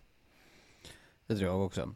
Vi, nu blir inte det eh, rätt när jag kommer till min lista här på vilka vi ska gå till. Vi ska egentligen till Djurgården, men vi kan väl ta Björklöven först då när vi ändå är inne på dem. Eh, nu snackas det om Miles Powell, man har tagit några adjö här under säsongen. Alex Diorio som skickas till Östersund, det var kanske ingen superskräll. Eh, det är väl egentligen eh, Badouan som har, har tackat för sig på, på backsidan. Fitzgerald till AIK. Weigel förlängde. Men vad tänker ni om Björklöven då? Det snackas ju om Miles Powell ska vara supporterspelaren, det är inte fastställt. Men Fredrik, vad tänker du om Björklöven då? Med, med ett Brynäs som satsar, med ett Djurgården som satsar, med ett Södertälje som satsar? Men Björklöven har ju blivit en, en, en storhet, en, en eh, uh, stor makt i Hockeyallsvenskan. Även om det här var deras sämsta säsong på på fyra år och så ryker man mot Djurgården i en tuff semifinalserie. Det säger lite grann om standarden hos Björklöven. Det som skulle kunna vara bra med det är ju att det är lättare att kill your darlings när man inte är ända fram som man var säsongen innan i match 6 i en finalserie. Och det är klart att det har funnits några spelare i Björklöven som har varit bra, men inte tillräckligt bra. Och det är väl det där som är knorren, att bygga en trupp som eh, du också kan utveckla under säsongen. Där kan vi ju se att de jobbade lite olika. Vi satt nog, om vi ska vara självkritiska också, och sa att vi tyckte att Björklöven gjorde det bra som höll sig kall. Man tog inte kleti och pleti, utan man, man valde att, att ha en uthållighet och sen kom Jens Löke in, medan Modo å andra sidan plockade på sig de här namnen. Sen att vi kanske vet att de Björklöven lika gärna hade kunnat fått dem, eller att de ville ha dem så att säga, men att man förlorade någon någon löneduell där, eller prisduell. Ja, på någon eh, i alla fall vet vi ju att det var så. Ja, eh, så att jag tänker snarare så här att Björklöven kanske kan må, må, lite gott. Man kan lika gärna ryka i semin som i finalen. Om man nu satsar på att bygga vidare. Och är det en sak jag är säker på så är det att Björklöven kommer att gå för det. Jag tycker att de har den mentaliteten hos i och runt laget men också publiken och jag har återigen spenderat mer av min tid i Umeå än vad jag gjort någon annanstans i Sverige den här säsongen och möter väldigt mycket folk som gärna kommer med sina tankar och sina åsikter. Eh, och det finns ju en optimism som jag tycker är imponerande i Umeå kring Björklöven som gör att jag tänker att det är därför de får in den här miljonen. Det är därför de får de här publiken att komma på matcherna. Eh, så därför sitter ju nu Kente med en väldigt viktig roll att, att lyckas plocka på sig den absoluta spetsspelarna som inte bara är bra en, en kväll i november eh, i januari utan som också i ett slutspel verkligen pikar och som presterar som bäst tillsammans med Stråle och kompanis det, det spelmässiga. Så att en, en näsbränna för Björklöven som jag tror kan vara hälsosam. Men jag tror att de kommer, kommer att vara med i det igen såklart. Ja, det, det kommer de verkligen vara. De har ju en jäkla grund att stå på just nu med det laget de har redan signat såklart och man lyfter in de typen av spelare som man, det ryktas om såklart, det kommer bli ett starkt gäng, men sen så jag tycker i slutspelet man är lite, speciellt mot Djurgården, man, man tappar lite huvudena, man, vi pratar om att de har en jäkla slutspelsrutin och går till final mycket, men där tycker jag att de, de nästan lite tvärtom går bort sig lite i sitt eget spel och Ja, alltså, de har nog lite att fundera på, jag tror man är väldigt besviken på den säsongen man gör, men sen så tycker ändå man möter ett bra, bra Djurgården som är starkt, så både och skulle jag vilja säga, om det är en besvikelse i år, men de har mycket att tänka på hur de ska se ut inför nästa säsong, men de kommer vara med i toppen och de kommer ladda på. Det är väl eh, den känslan jag har också. Eh, jag tycker att det är kul att de satsar på eh, Liam Dover Nilsson, en, en ung spelare. Jag, nu vet jag att det finns andra unga spelare de har satsat på i Björklöven också, eh, Jakob Olofsson och så vidare. Men det har inte riktigt varit den typen av spelare som Björklöven har tagit in. Det är väl Jakob Stenqvist, Jakob Stenqvist som har kommit in och gjort den där, vad, heter han, Pettersson som var i, i, i Färjestad sen, som jag åkte över. Men eh, ja, eh, eh, det ska bli spännande att se vad de gör, för Miles Powell, det är fortfarande ganska lika spelartyper som man plockar in, alltså som, som man har gjort här senaste åren. Man, man håller sig ju väldigt mycket i sin fåra till, till vad de försöker att addera till det här laget. Och frågan om det är rätt väg, det vet jag inte. Det har ju inte varit så här långt, men om det är rätt väg framöver, det får återstå att se. Men eh, Björklöven kommer vara ett topplag nästa säsong också. Eh, det vågar jag slå fast. Och Weigel kommer skärma oss.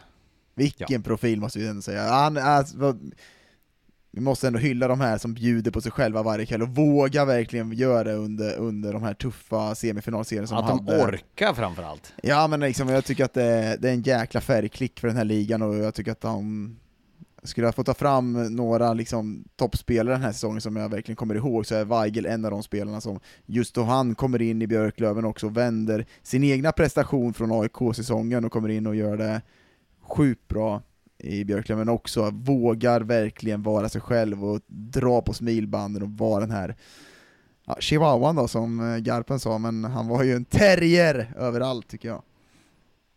Ja men då, då, då bara väger jag upp det där med att säga att det är ett av skälen till att Björklöven inte nådde en final. För att eh, det blev lite för lite av det här systematiska, konsekvent spelande Björklöven som på något sätt eh, glasade in sig själva och fortsatte spela. Jag tycker att man tappade lite konceptet under semifinalserien med eh, sättet man valde att, valde att kritisera domarna, man, man uttalar sig att det var värld, hela världen är emot oss, det är för jävligt. Jag, jag tyckte att det, så ibland får man tänka så här att det som är skärmigt och läckert och lite spännande, det har också sina, sina frågetecken. Så att, ehm, för det, ställer jag det mot Modo, så var ju inte de spektakulära på det sättet. De, de, de stack inte ut på det sättet, men de var som, som grupp betraktat jävligt bra. Och de var som lag det lag som kan fira hela sommaren. Ja men det var ju det jag sa, jag tycker de tappar konceptet i slutspelet med vad man vill se ut. Däremot tycker jag Weigel fortfarande ska vara den profilen, för att jag älskar att se sådana spelare. Sen om det är bra ja, för Björklöven eller inte, det är en annan sak. Men jag tycker att han varit grym under hela säsongen, men däremot, Björklöven måste hålla till sitt som man gjorde under, under seriespelet, under, jag tycker att de var en motor under hela seriespelet. Men man, jag tror man varit lite chockad över hur bra Djurgården var i den här semifinalen, att man inte liksom, man, man känner att man var lite sämre och då tappar man sitt egna koncept i sitt spel. Fredriks eh, tes, om jag läser mellan raderna Fredrik, så, så det du säger är att eh, Björklöven, eh, att de eh, gjorde det bättre under tidigare delar av säsongen att vara alltså systematiska, tråkiga, hålla sig till sitt, eh, det de ska göra.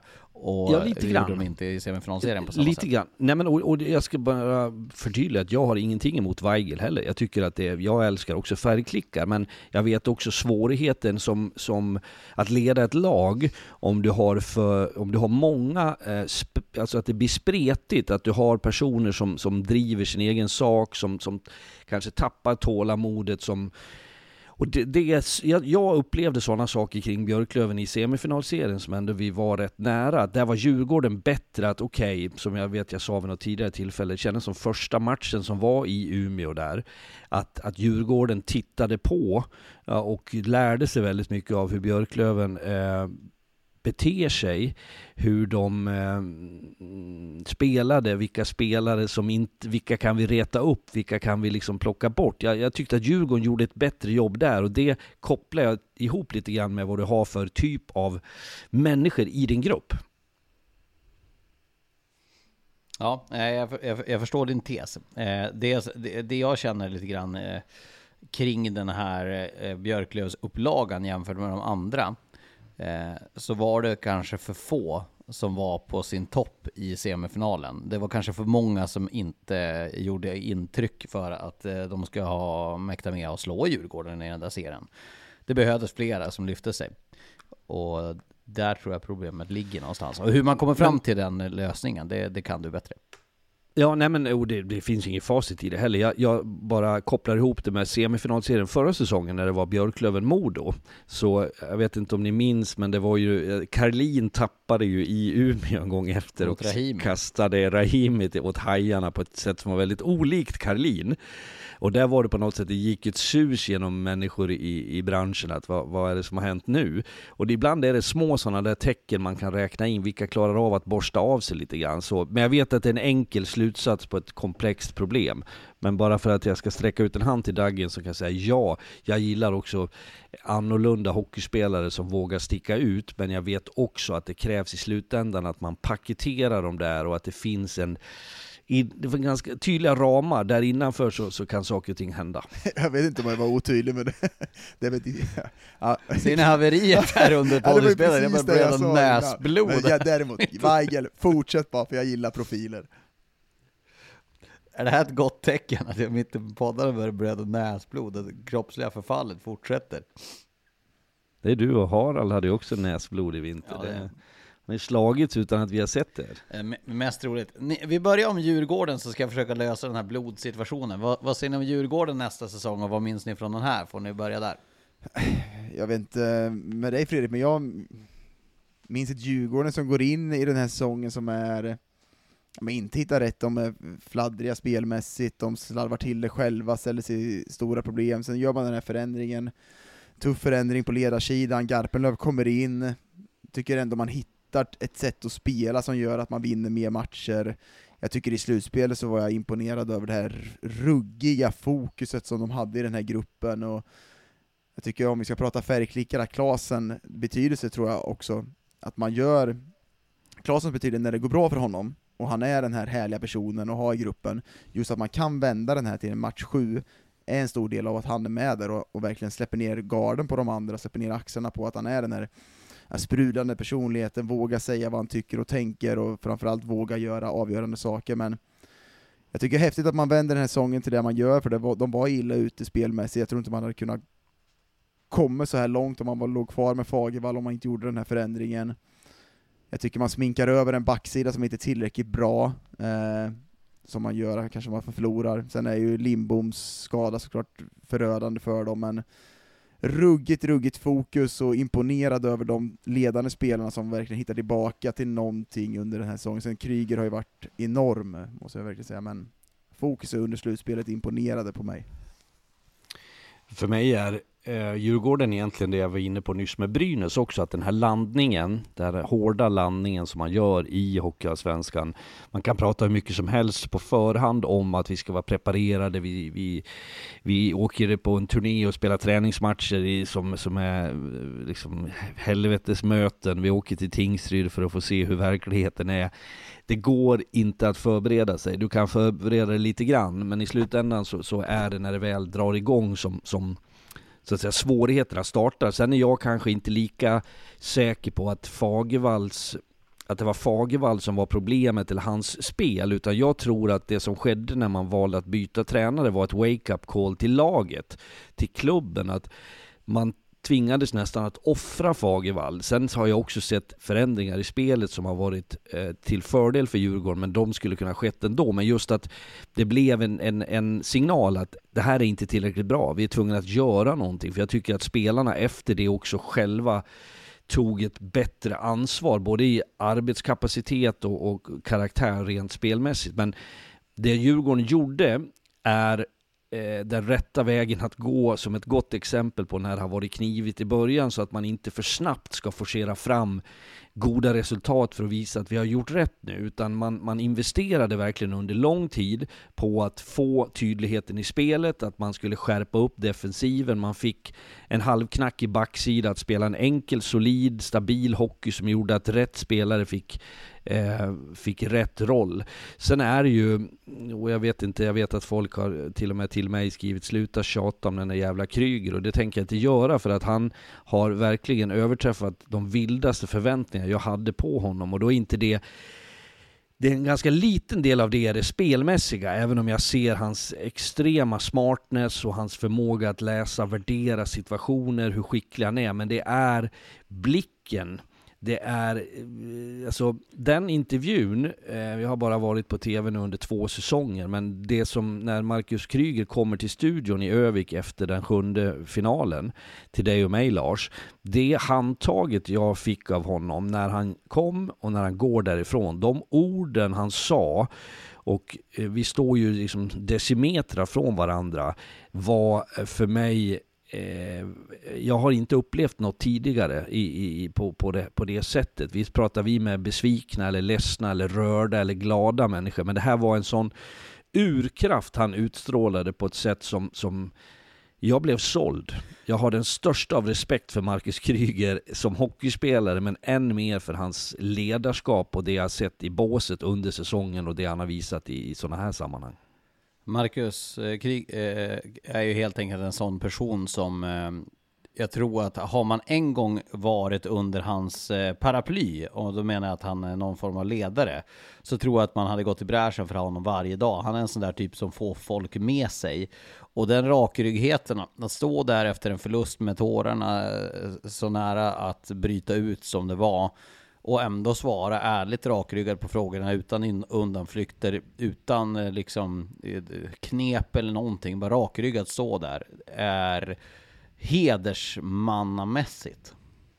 Ja, sen är det så vi lever i en tid där eh, en del har fått för sig att, att vara en ledare och en profil, det är att man ska sticka ut, man ska vara Instagramvänlig, man ska vara TikTok, man ska vara skön, man ska säga fräcka saker.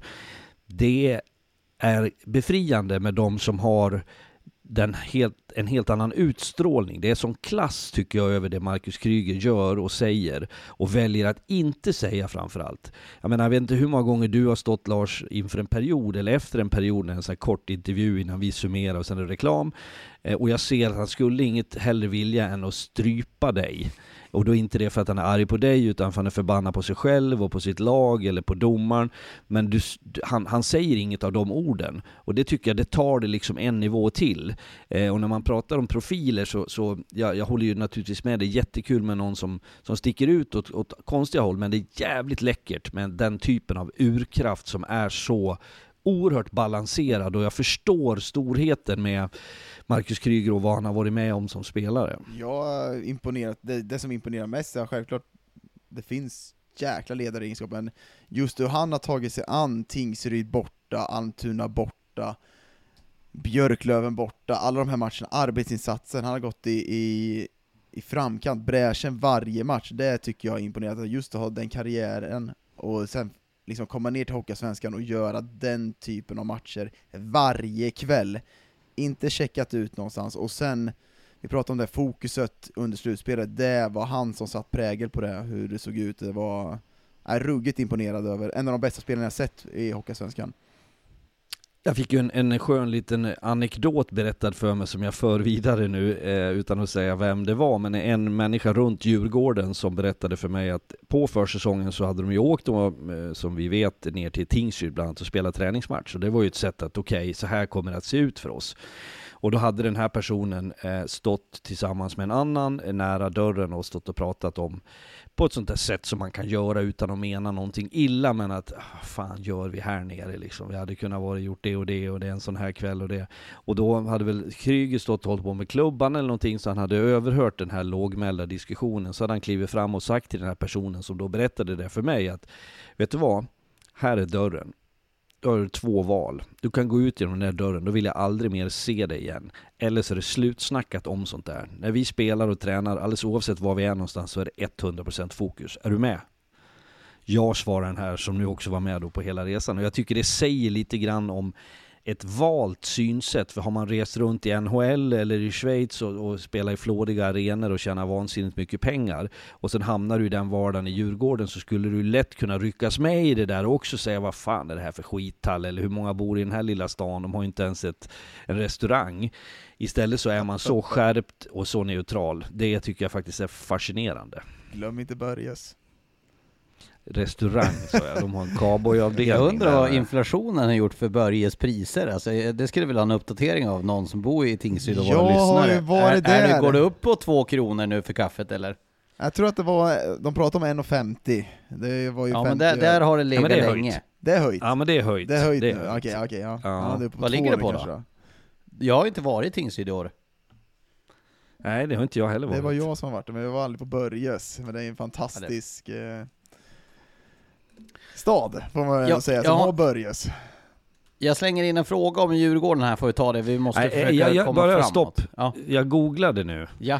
eh, på kafeterian kan du ta en paus i handlandet och avnjuta en kopp kaffe för 1,50, så mina uppgifter om att det hade gått upp, det är kvar. Dock är det de här muggarna, vet du de här som man förr kunde stoppa i en behåll, i en svart ja, eh, ja, alltså, ja. den plast du stoppade i någon hårdare plast. Ja. Och de, de, jag skulle lätt betala två kronor om de bytte muggar. Du tycker att koppen gör en dålig? Ja. Ja, jag, jag, är ju, jag är ju mer för pappkopp om jag ska ha kaffe i så fall. Porslinskepp är det bästa. Du menar den här alltså vita? Vit med ja, brun i. Vit, jag, jag hatar ja, faktiskt ja. den också, den, den måste bort. Ja. Pappmuggen är ju ändå, jag dricker ju hellre pappmugg än ett glas eller mugg, det kan jag ju säga. Ja men kommer ni ihåg de här äh, som fanns på hockeyn? Gevalia som var inom fregolit då? Det är ju nästan den bästa det. Den är riktigt så, åt man, så bet man sönder den efter. och det är helt otroligt att man hade så egentligen. Eh, Ja, jag, jag, det, det, apropå det, tryckte jag, med världen att det är 1,50 kvar i jag, kaffepris. Jag var uppe i Östersund där under säsongen, och så, så stod, stod vi vid kaffeautomaten, så träffade jag en, hockey, en hockeypersonlighet, så fanns det muggar lite högre upp, och båda vi sträckte oss efter en sån, en sån pappmugg istället.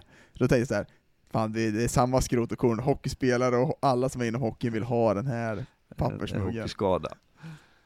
Så ska det vara. Eh, vi måste gå vidare, för eh, om inte den här podden ska bli nio och en halv timme eh, så måste vi komma lite framåt också. Eh, jag hade en fråga där. Eh, det är ganska många som har skickat in den här frågan. Jag har ju efterlyst frågor, jag brukar vara dålig på att ta sig svar på dem. Men Bobo Eriksson, Filippa Emilsson är några av dem som har ställt frågan om Djurgården.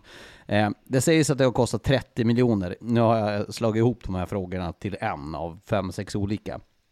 Men andemeningen är att det kostar väldigt mycket för Djurgården den här säsongen. Har de muskler att satsa eh, på samma sätt som Brynäs och Björklöven och övriga topplag gör även nästa säsong? Har Djurgården muskler att köra så här en säsong till? Eh, jag tror inte de har muskler att satsa som de har gjort den här säsongen, men jag tror att de har muskler att satsa eh, likt många lag. Men det är såklart att både fallskärm och vad man kommer in i med tv-avtal från förra säsongen finns kvar lite, så nej, man kommer inte kunna lägga samma typ av pengar den här säsongen, det kommer man inte. För det är ju alla lag som kommer ner vet ju att det är en säsong man kan göra den här rustningen. Men det är såklart att, att det finns mycket mer pengar än vad det finns överlag i de andra lagen.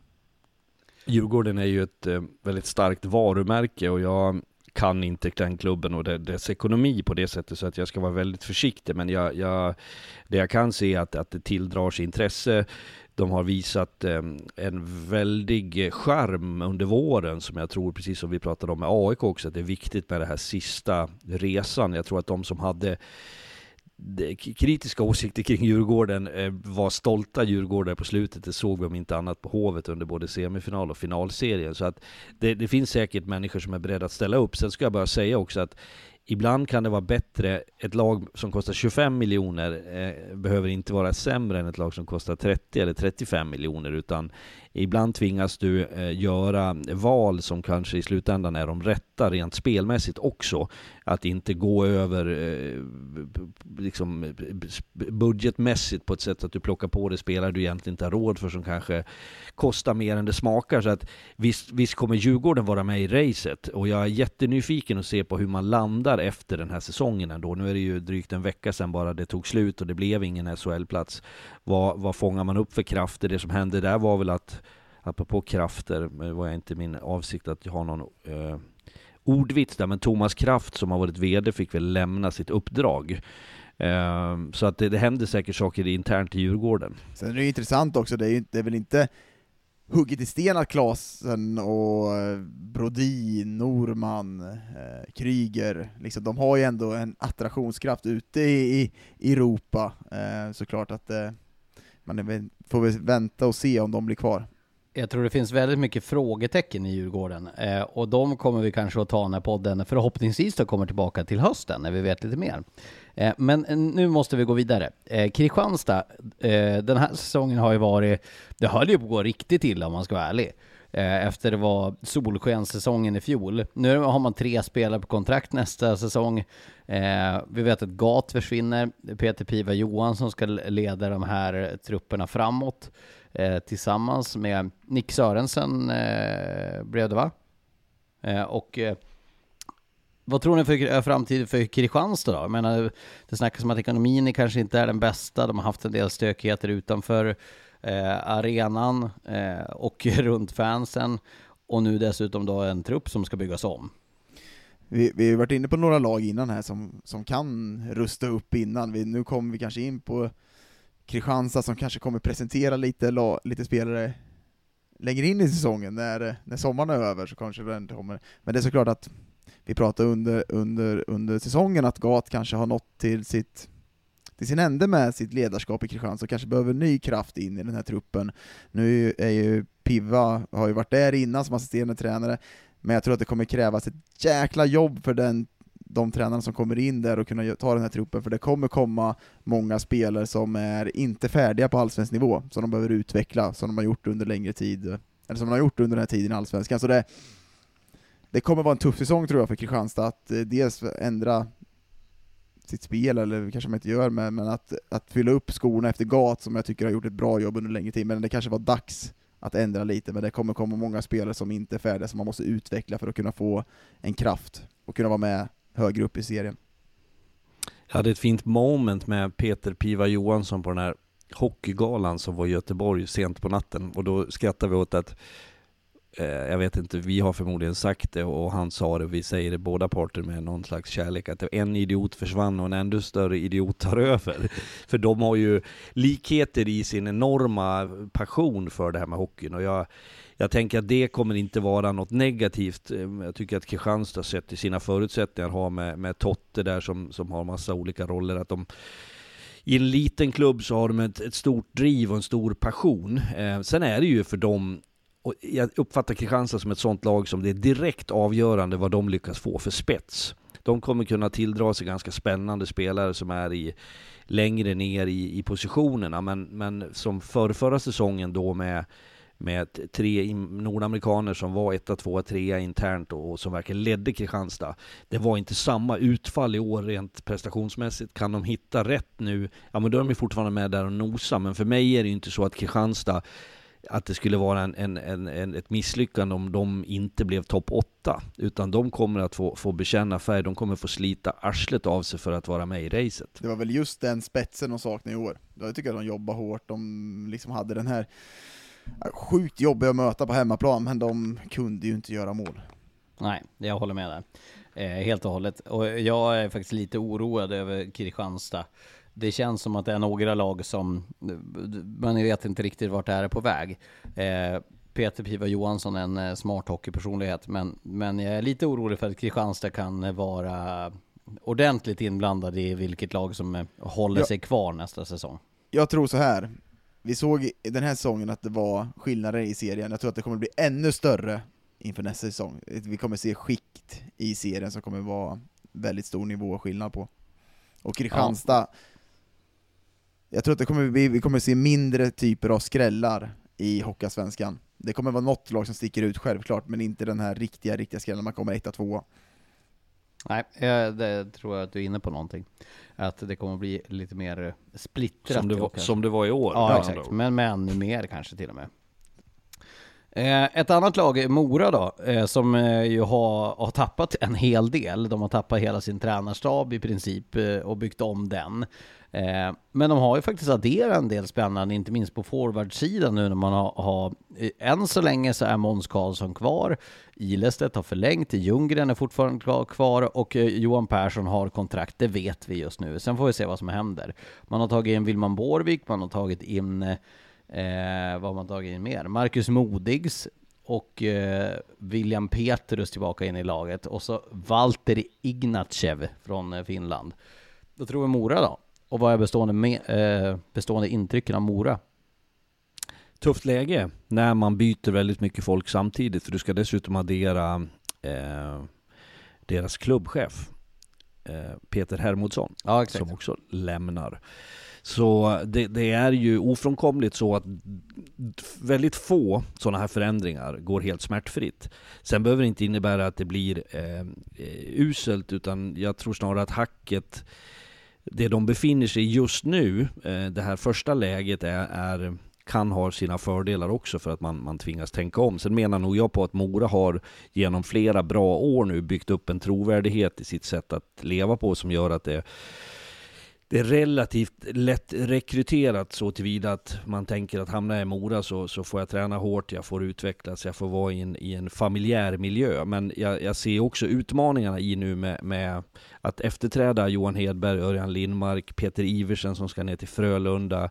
Eh, att kliva in och fylla upp de skorna är en ganska tuff utmaning för dem. Och jag tycker också att de här spelarna som de har tappat nu, de har ju varit överraskande bra. Det är ju inte så att de går till division 1-klubbar utan de går ju faktiskt till SHL-lag och det visar ju lite grann på vilken nivå de har hållit. Så att för mig känns Mora som en, en, en sån här, jag håller lite andan för jag vet inte riktigt vad det där kommer landa i. Nej, men de byter ju ut ett, ett starkt ledarskap mot ett ganska oprövat ledarskap nu. Sen har man, har man den här grundtryggheten med att man har Persson, Ljunggren och oavsett vad Måns Karlsson, de kommer göra sina poäng nästa år i, i, i serien och vara en trygghet för dem såklart, men som Fredrik är inne på, de byter ut ganska många spelare som har varit riktigt, riktigt bra, Heikkinen och de här typerna, sen byter man in, tar man in alltså Modig som inte har fallit ut bra under de här säsongerna, nu senast i Karlskoga, Borvik kanske inte heller kom upp i den nivån, det finns någonting i de typerna av spelare, kan, kan Mora ta fram det så självklart kan det bli jäkligt bra, jag tror att Mora kommer vara med och slåss om det, men det kommer bli tuffa skor att fylla, för Johan Hedberg har varit en, en riktigt, riktigt bra ledare för det här laget. Mm, vi kan väl säga grattis i efterskott också till Johan Hedberg som fyller 50 här i helgen läste jag. Eh, vad tänker vi mer då om Mora? Eh, det är väl egentligen ganska osäkert där. Jag menar, man är imponerad av grundserien de har gjort, att de utmanar här i toppen om en topp 3-plats. Eh, långt in på säsongen, men är lite besviken fortfarande över prestationen de gör i semifinalen. Jag tycker inte Modo var fullt så bra i den serien. Och att jag tycker att Mora hade kunnat med några procent till vaskat om den serien lite mer. Sen tycker jag vi pratar Men annars ganska osäkert kort.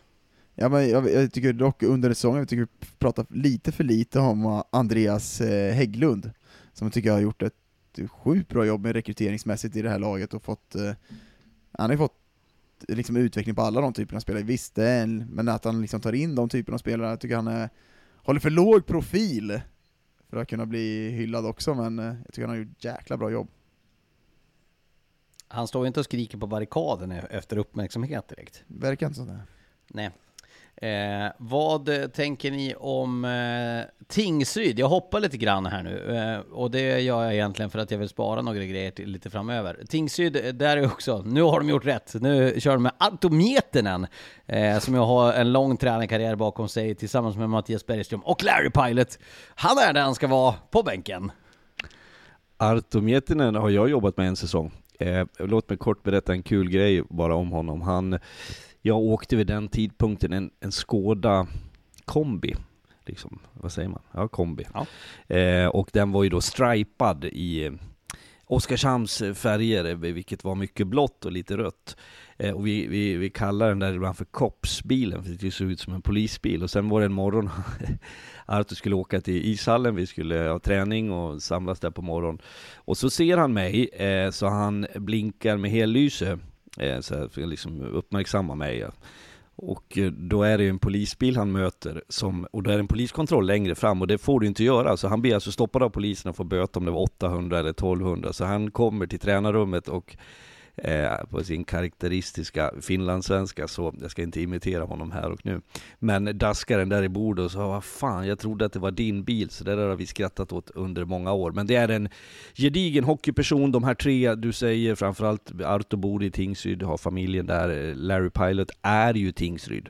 Så nu får man en hemvävd eh, lösning efter att Fredrik Glader valde att vilket jag också log lite grann. Han skulle flytta hemåt. Nu ska han vara i Narvik som är 50 mil tror jag ifrån hemmet. Men det är runt hörnet med norrländska mått ska du veta. Jag efter vet att där, det är dock så får han grannbyn. köra djävulens väg till, eh, till Narvik om man ska inte ta tåget. För det är ingen rolig väg att köra via Gällivare och Kiruna och där. Det gäller att hitta kryphålen i kontrakten verkar det som. Ja, precis. Nej men så det, det tänker jag. Sen är ju Tingsryd i den kategorin att, att där förväntas man inte att det ska ramla in stordåd i rekryteringen, att det är spektakulära namn. Det var väl inte så att Tyler Wessel valde mellan Tingsryd och Brynäs. Nej. Eh, och det säger jag med all respekt. Men Tingsryd har ju ändå en orimligt skicklig förmåga att knyta till sig spelare som ändå lyckas hålla en bra nivå eh, och vara med i racet. Men att de skulle vara ett topplag, nej det, det tror jag inte de tänker själva heller. Nej, det tror jag inte. Sen, eh, så länge Larry är i båset så får vi vara trygga med Tingsryd. Han ska stå där, Larry Pilot. Så. Men det, det, för Tingsryd, Kristianstad, det gäller att hitta guldkornen i, i division 1 för att kunna få en utveckling på dem. Och det är samma sak i år, de måste hitta de typerna av spelare som kan få utveckling. Spelade Arto Mietinen och Larry Pilot ihop i Tingsryd? Det borde de ha gjort det, va? det måste de ha gjort, för Larry har ju spelat med alla som har Ja det har han i och för sig gjort. Det, Sen det vet jag inte om han är, säkert. jag vet inte om jag tar upp, han är tuggummiförsäljare, för jag får alltid, jag får tuggummi av honom varje gång. Ja.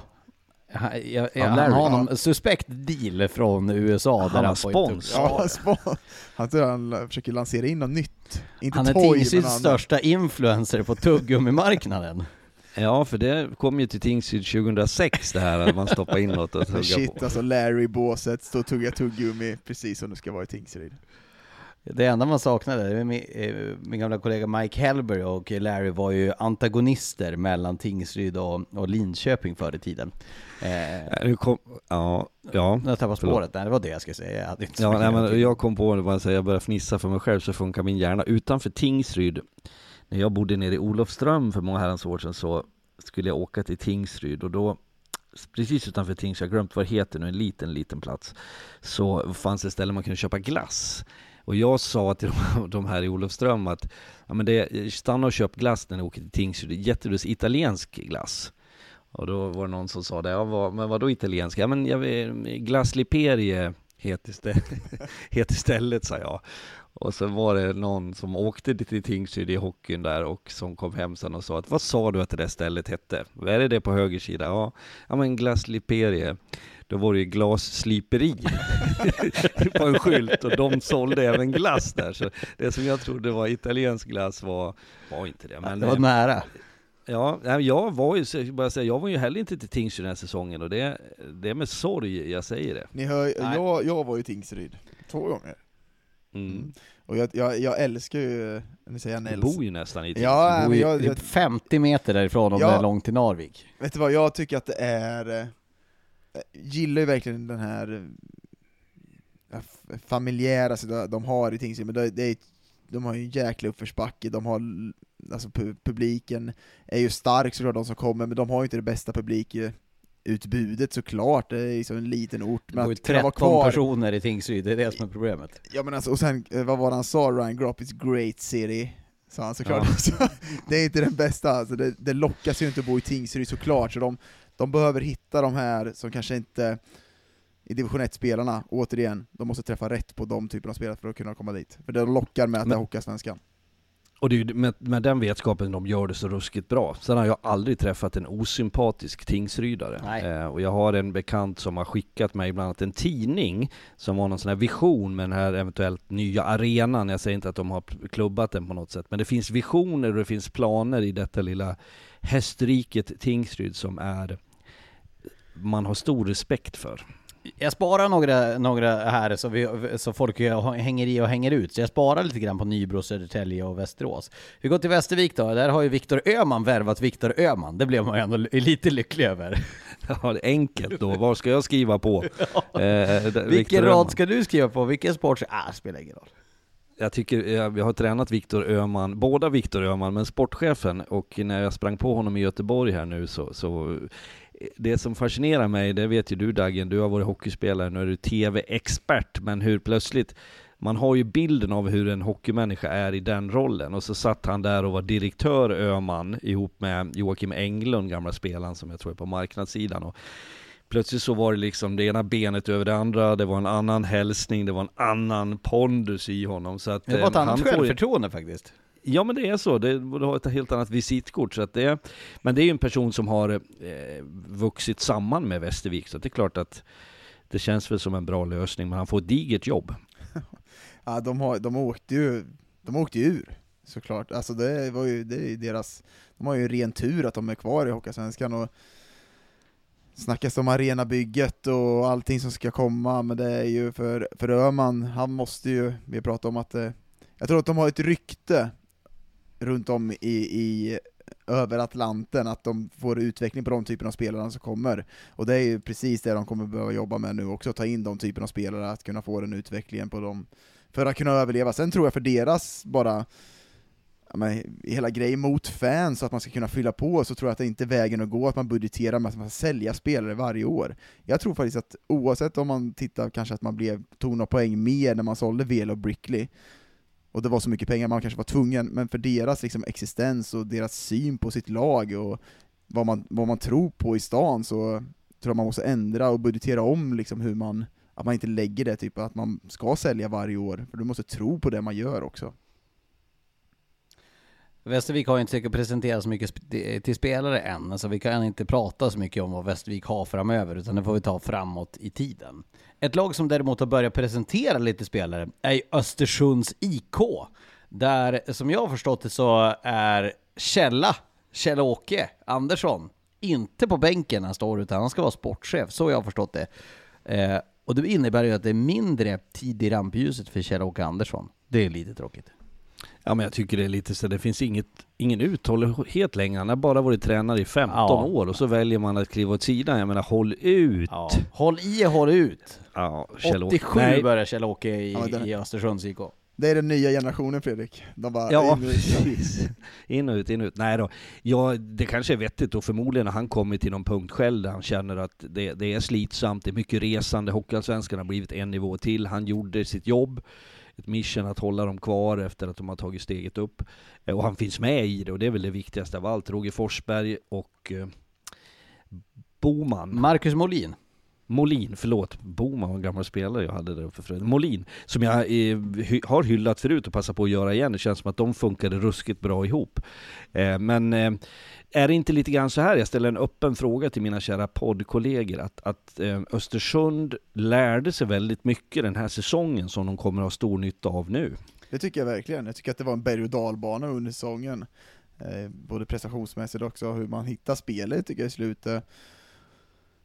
Sen så det finns, det verkar ju finnas någon lite kapital i det här. Man, jag, tycker man, jag tycker man tar en intressant spelare i Daniel Örn från, från Tingsryd och värver in i Östersund som har en stor rutin av Hockeyallsvenskan. Nu snackas det väl lite om bänker och de här typerna av spelarna. Så jag tror att Östersund lärde sig mycket av den här och jag tycker man var en pigg nykomling ändå och försökte verkligen spela en typ av hockey. Mm, där hörde vi någon kommentator i bakgrunden, Lars som Jag, jag såg att eh, Björklöven just presenterade Miles Powell. Det, Det blir någon form av fan. livepodd det här med tanke Mm. på att det, det var flyger i nyheter samtidigt som vi spelar in. Eh, det kanske gör att vi måste podda igen, men jag känner mig att det här är sista för säsongen. Det här är sista jag gör hockeymässigt. Eh, nej men jag tycker att de gör det smart Östersund, att de plockar in lite folk med, med hockeyallsvensk rutin. Man tar en första säsong där man visste att man skulle få, få kämpa för att säkra kontraktet. Nu kan man gå upp ett steg till. Det snackas om att det, det finns lite mer medel att jobba på. Jag, jag, ska, jag hatar när folk eh, säger så här, ja men jag var med där och bla bla, bla och försöker dra in sig själv i det hela. Men jag följde Östersunds fotbollsresa väldigt nära. Då jag kommenterade deras eh, allsvenska matcher väldigt mycket. Och, och det är en stad som eh, snabbt kan akklimatisera sig. Och det, det finns ju folk som tycker att det finns något fult i det. Att man liksom, vi, ni har ingen supporterkultur och sådär. Men är det någonting att folk går man ur huset för någonting och att man hittar nya saker att intressera sig för, tycker jag att det finns något fint i det. Att eh, jämtarna har tagit hockeyn till sig. Och det tycker jag är väldigt fint. Och jag tycker därför att det är kul för Hockeyallsvenskan att man kan sprida ut till västra sidan av Sverige också. Det finns ju ett stort glapp på hela västra Sverige i Hockeyallsvenskan. Ehm, eh, Så det är upp till Halmstad Hammers och de här att, eh, att följa efter här. Eh, men spännande att se vad Östersund kan göra nästa säsong. Om man kan eh, liksom ta, deras mål blir att hoppa lite ifrån den negativa kvalstriden.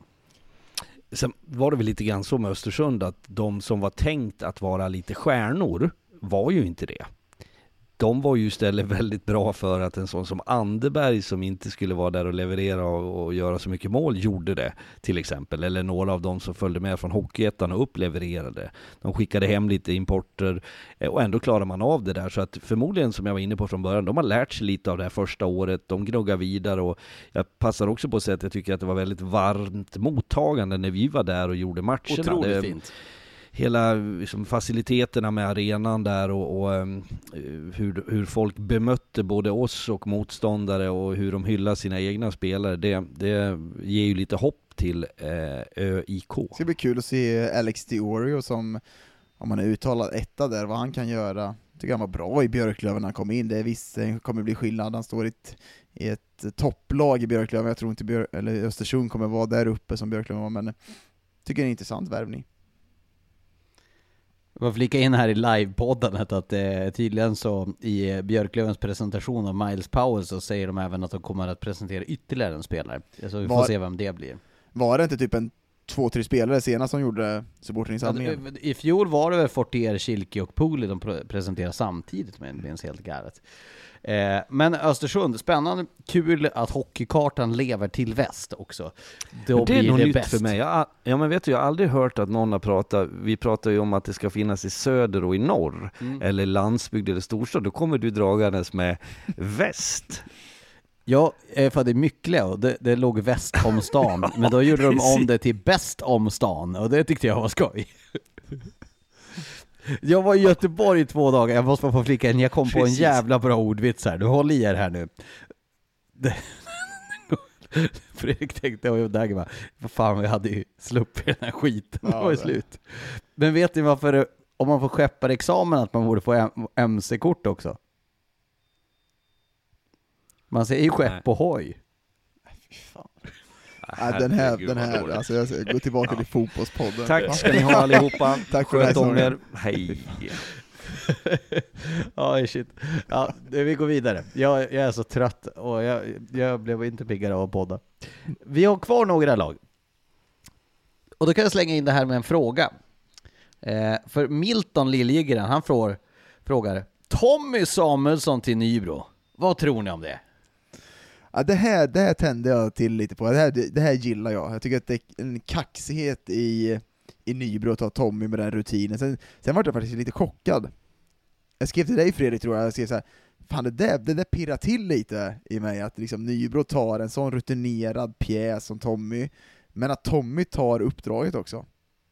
måste presentera en jävla... sen, sen ska jag vara klar, det finns inte så många tränarjobb ute som är lediga, visst, men det är ändå en jäkla snygg lösning tycker jag.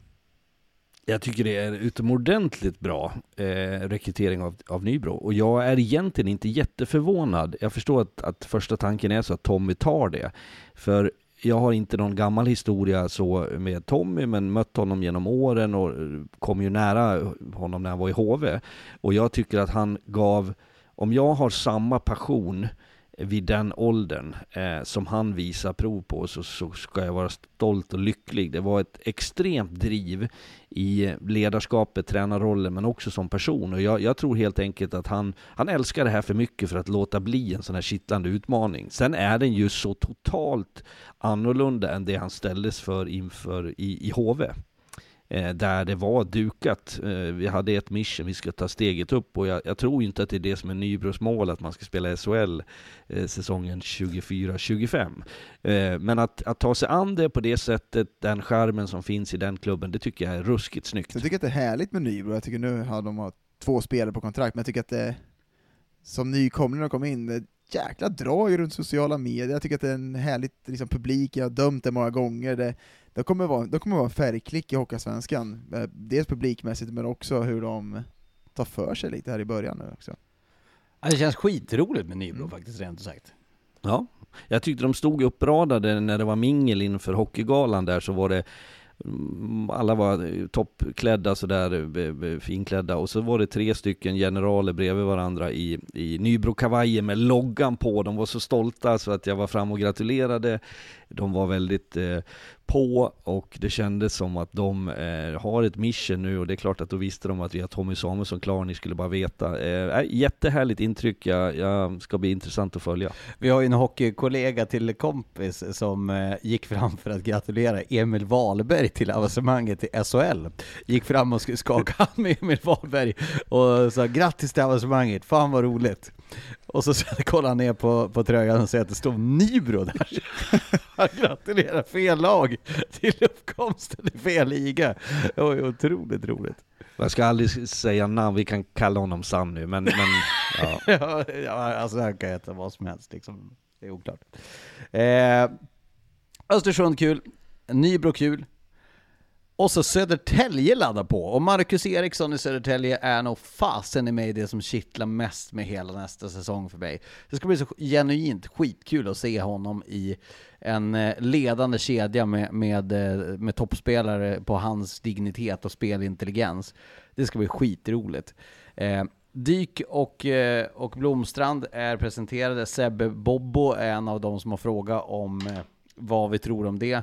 Vad tror vi om Södertälje då? För de laddar ju på dem också med både nytt och nygammalt.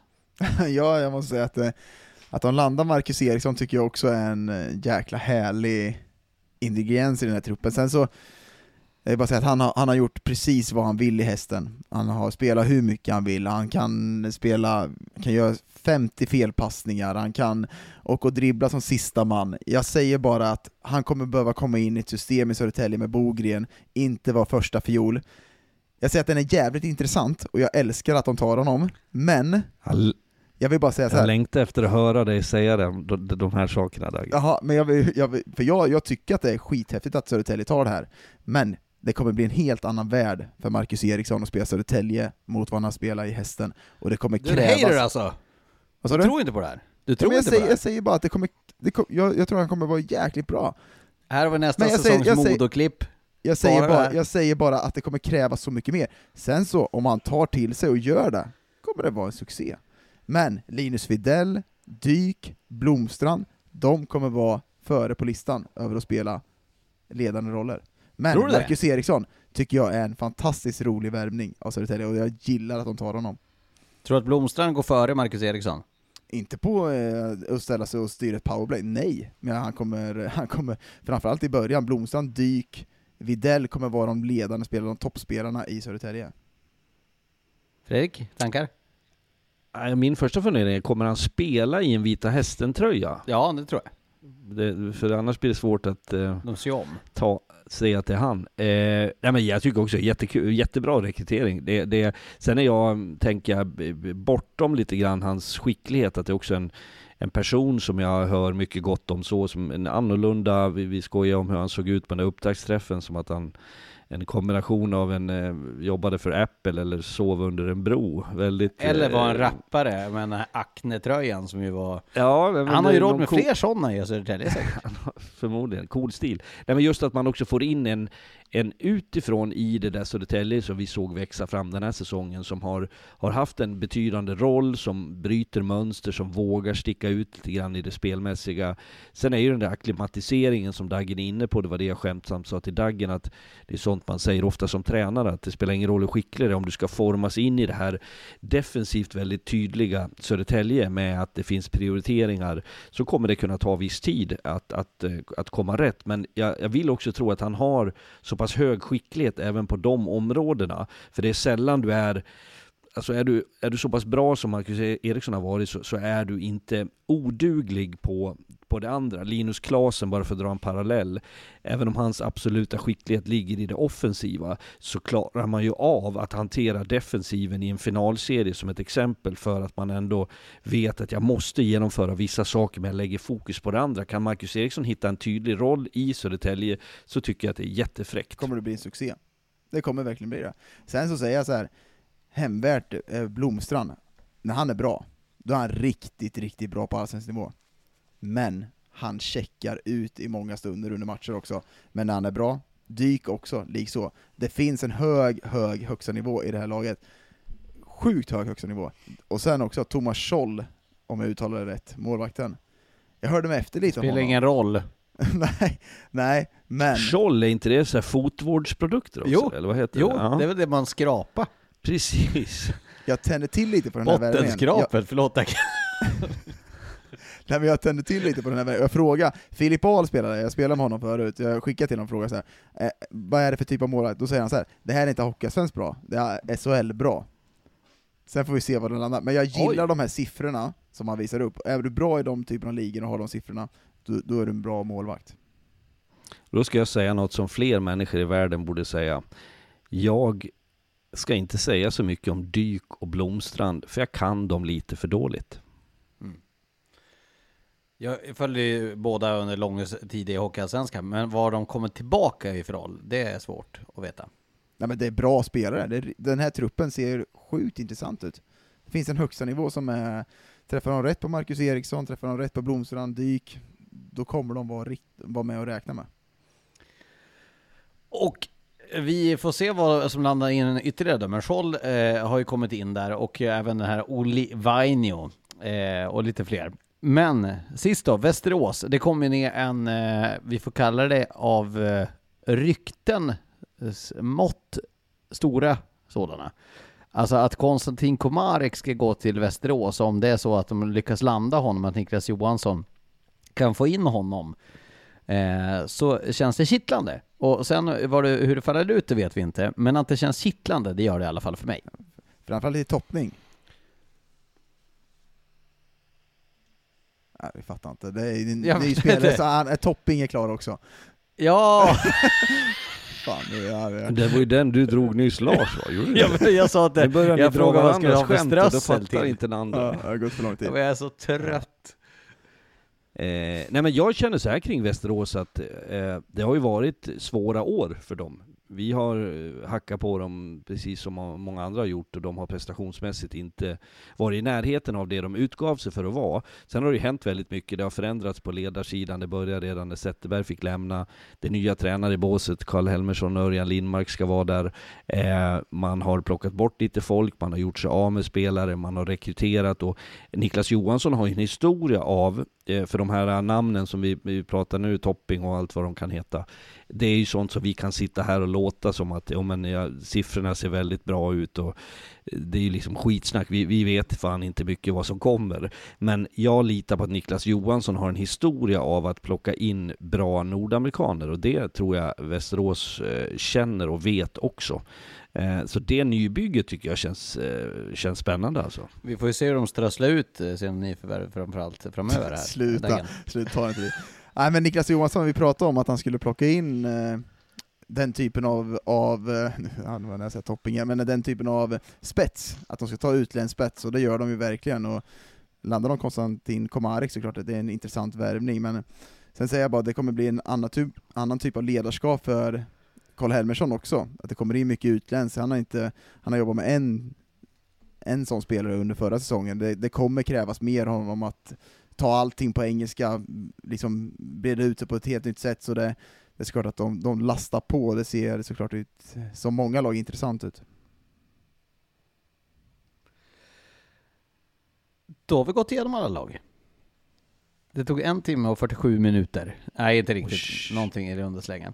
Eh, men Fredrik, eh, vi eh, bollade lite grann, eh, vi tre, om eh, vad vi ska eh, hitta på för avslutning här då. Med tanke på att det är en lång säsong.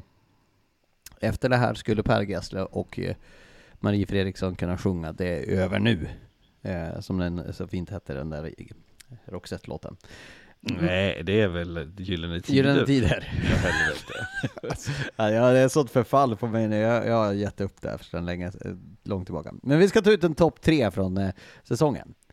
Och då vet vi ju snabbt de går på TV, och vi håller oss så snabbt nu. Nej men det får, man får göra det som man vill, men, men vi har gjort, tagit ut en 3-2-1 och Fredrik, du får börja det här då. Vad, vad, Ja. vad är din 3-2-1 och det är liksom, vad, tre grejer som stuckit ut från säsongen, det är liksom utan inbördes Mm. ordning, det är eh, minnen, det behöver inte vara det häftigaste, det bästa, utan det är det du minns.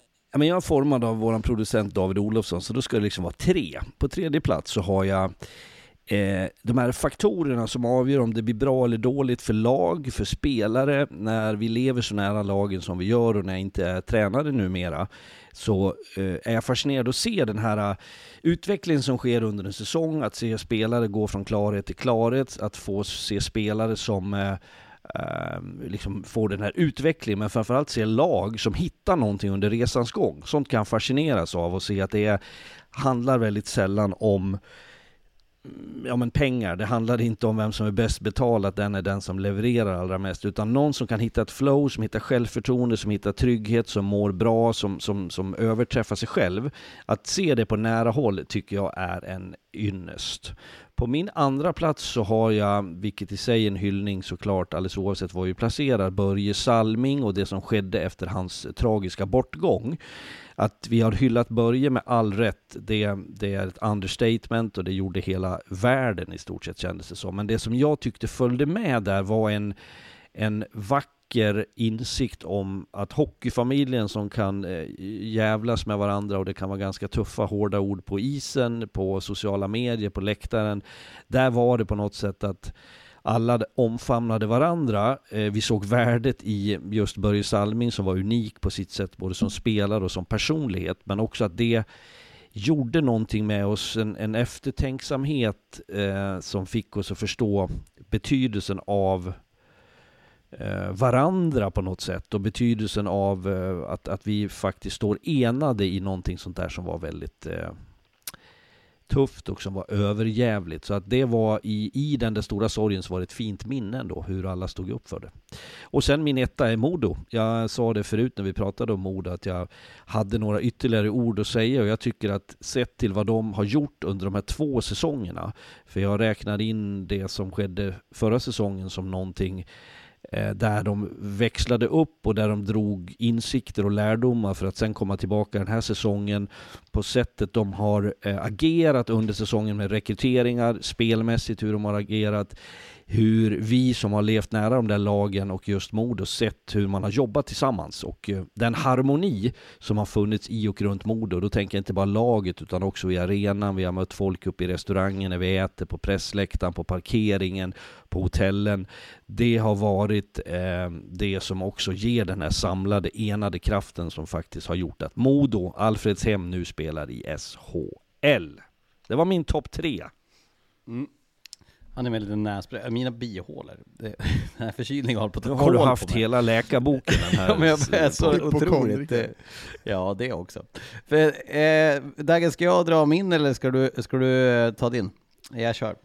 Eh, på tredje plats, det här blir ju lite grann eh, tycke och smaksak, men det blir fan min lista nu får jag säga det. På tredje plats tar jag Superlive, näst sista omgången. Jag tyckte att eh, det var ett jäkligt kul grepp, jag som gillar amerikansk idrott och Red Zone som finns där. Och framförallt när det är en näst sista omgång, och det finns så mycket parametrar, det kan för, vara förflyttningar, det var om Björklöven eller Modo skulle ta första platsen som levde in i sista omgången. Filip Ekbergs hattrick som den yngsta målskytten någonsin i svensk hockey. Den kvällen blev ju häftig och som det svängde liksom i alla matcher i den där näst sista omgången i Superdive. Det tyckte jag var sjukt kul. Och sen är det inte för alla, det vet jag. Men jag tycker att det var häftigt där i en näst sista omgång att kunna liksom vara med på allt. Det tyckte jag var lite eh, härligt, att man fick liksom en gott och blandat på sig. Eh, på andra plats så har jag eh, semifinalserien me mellan Djurgården och Björklöven, för jag tycker att den var eh, otroligt eh, intressant att följa med alla utspel, känslor som var. Jag tycker att eh, finalserien, frågan om den kanske till och med toppade den och var ännu bättre, men för att sprida ut det här lite grann, eh, med tanke på att du har haft Modo på din första plats Fredrik, så tycker jag att den serien var ruggigt häftig. Eh, det var medialt uppskruvat, det kändes som att Hockey-Sverige eh, behöll det övriga i periferin var min känsla när de matcherna spelades, för de var väldigt bra utplacerade tidsmässigt. Jag tycker att det var en otroligt häftig matchserie som eh, Djurgården vann efter, eh, i den sjätte matchen. Eh, finalserien var också otrolig. Och det tycker jag var en av de starkaste minnena från den här säsongen, de två, de två serierna med semifinalen. Inte minst om man exkluderar då värdet av finalen såklart. Och på första plats så, så blir det en banal grej som inte blir så banal. Eh, så tog eh, min sambo med min dotter på, på sin första match. Hon har varit med när hon har varit liksom bebis på en hockeymatch. Men hon har ju nu lärt sig applådera. Och då satt hon i, i, i publiken och, och såg en match som jag var och jobbade på.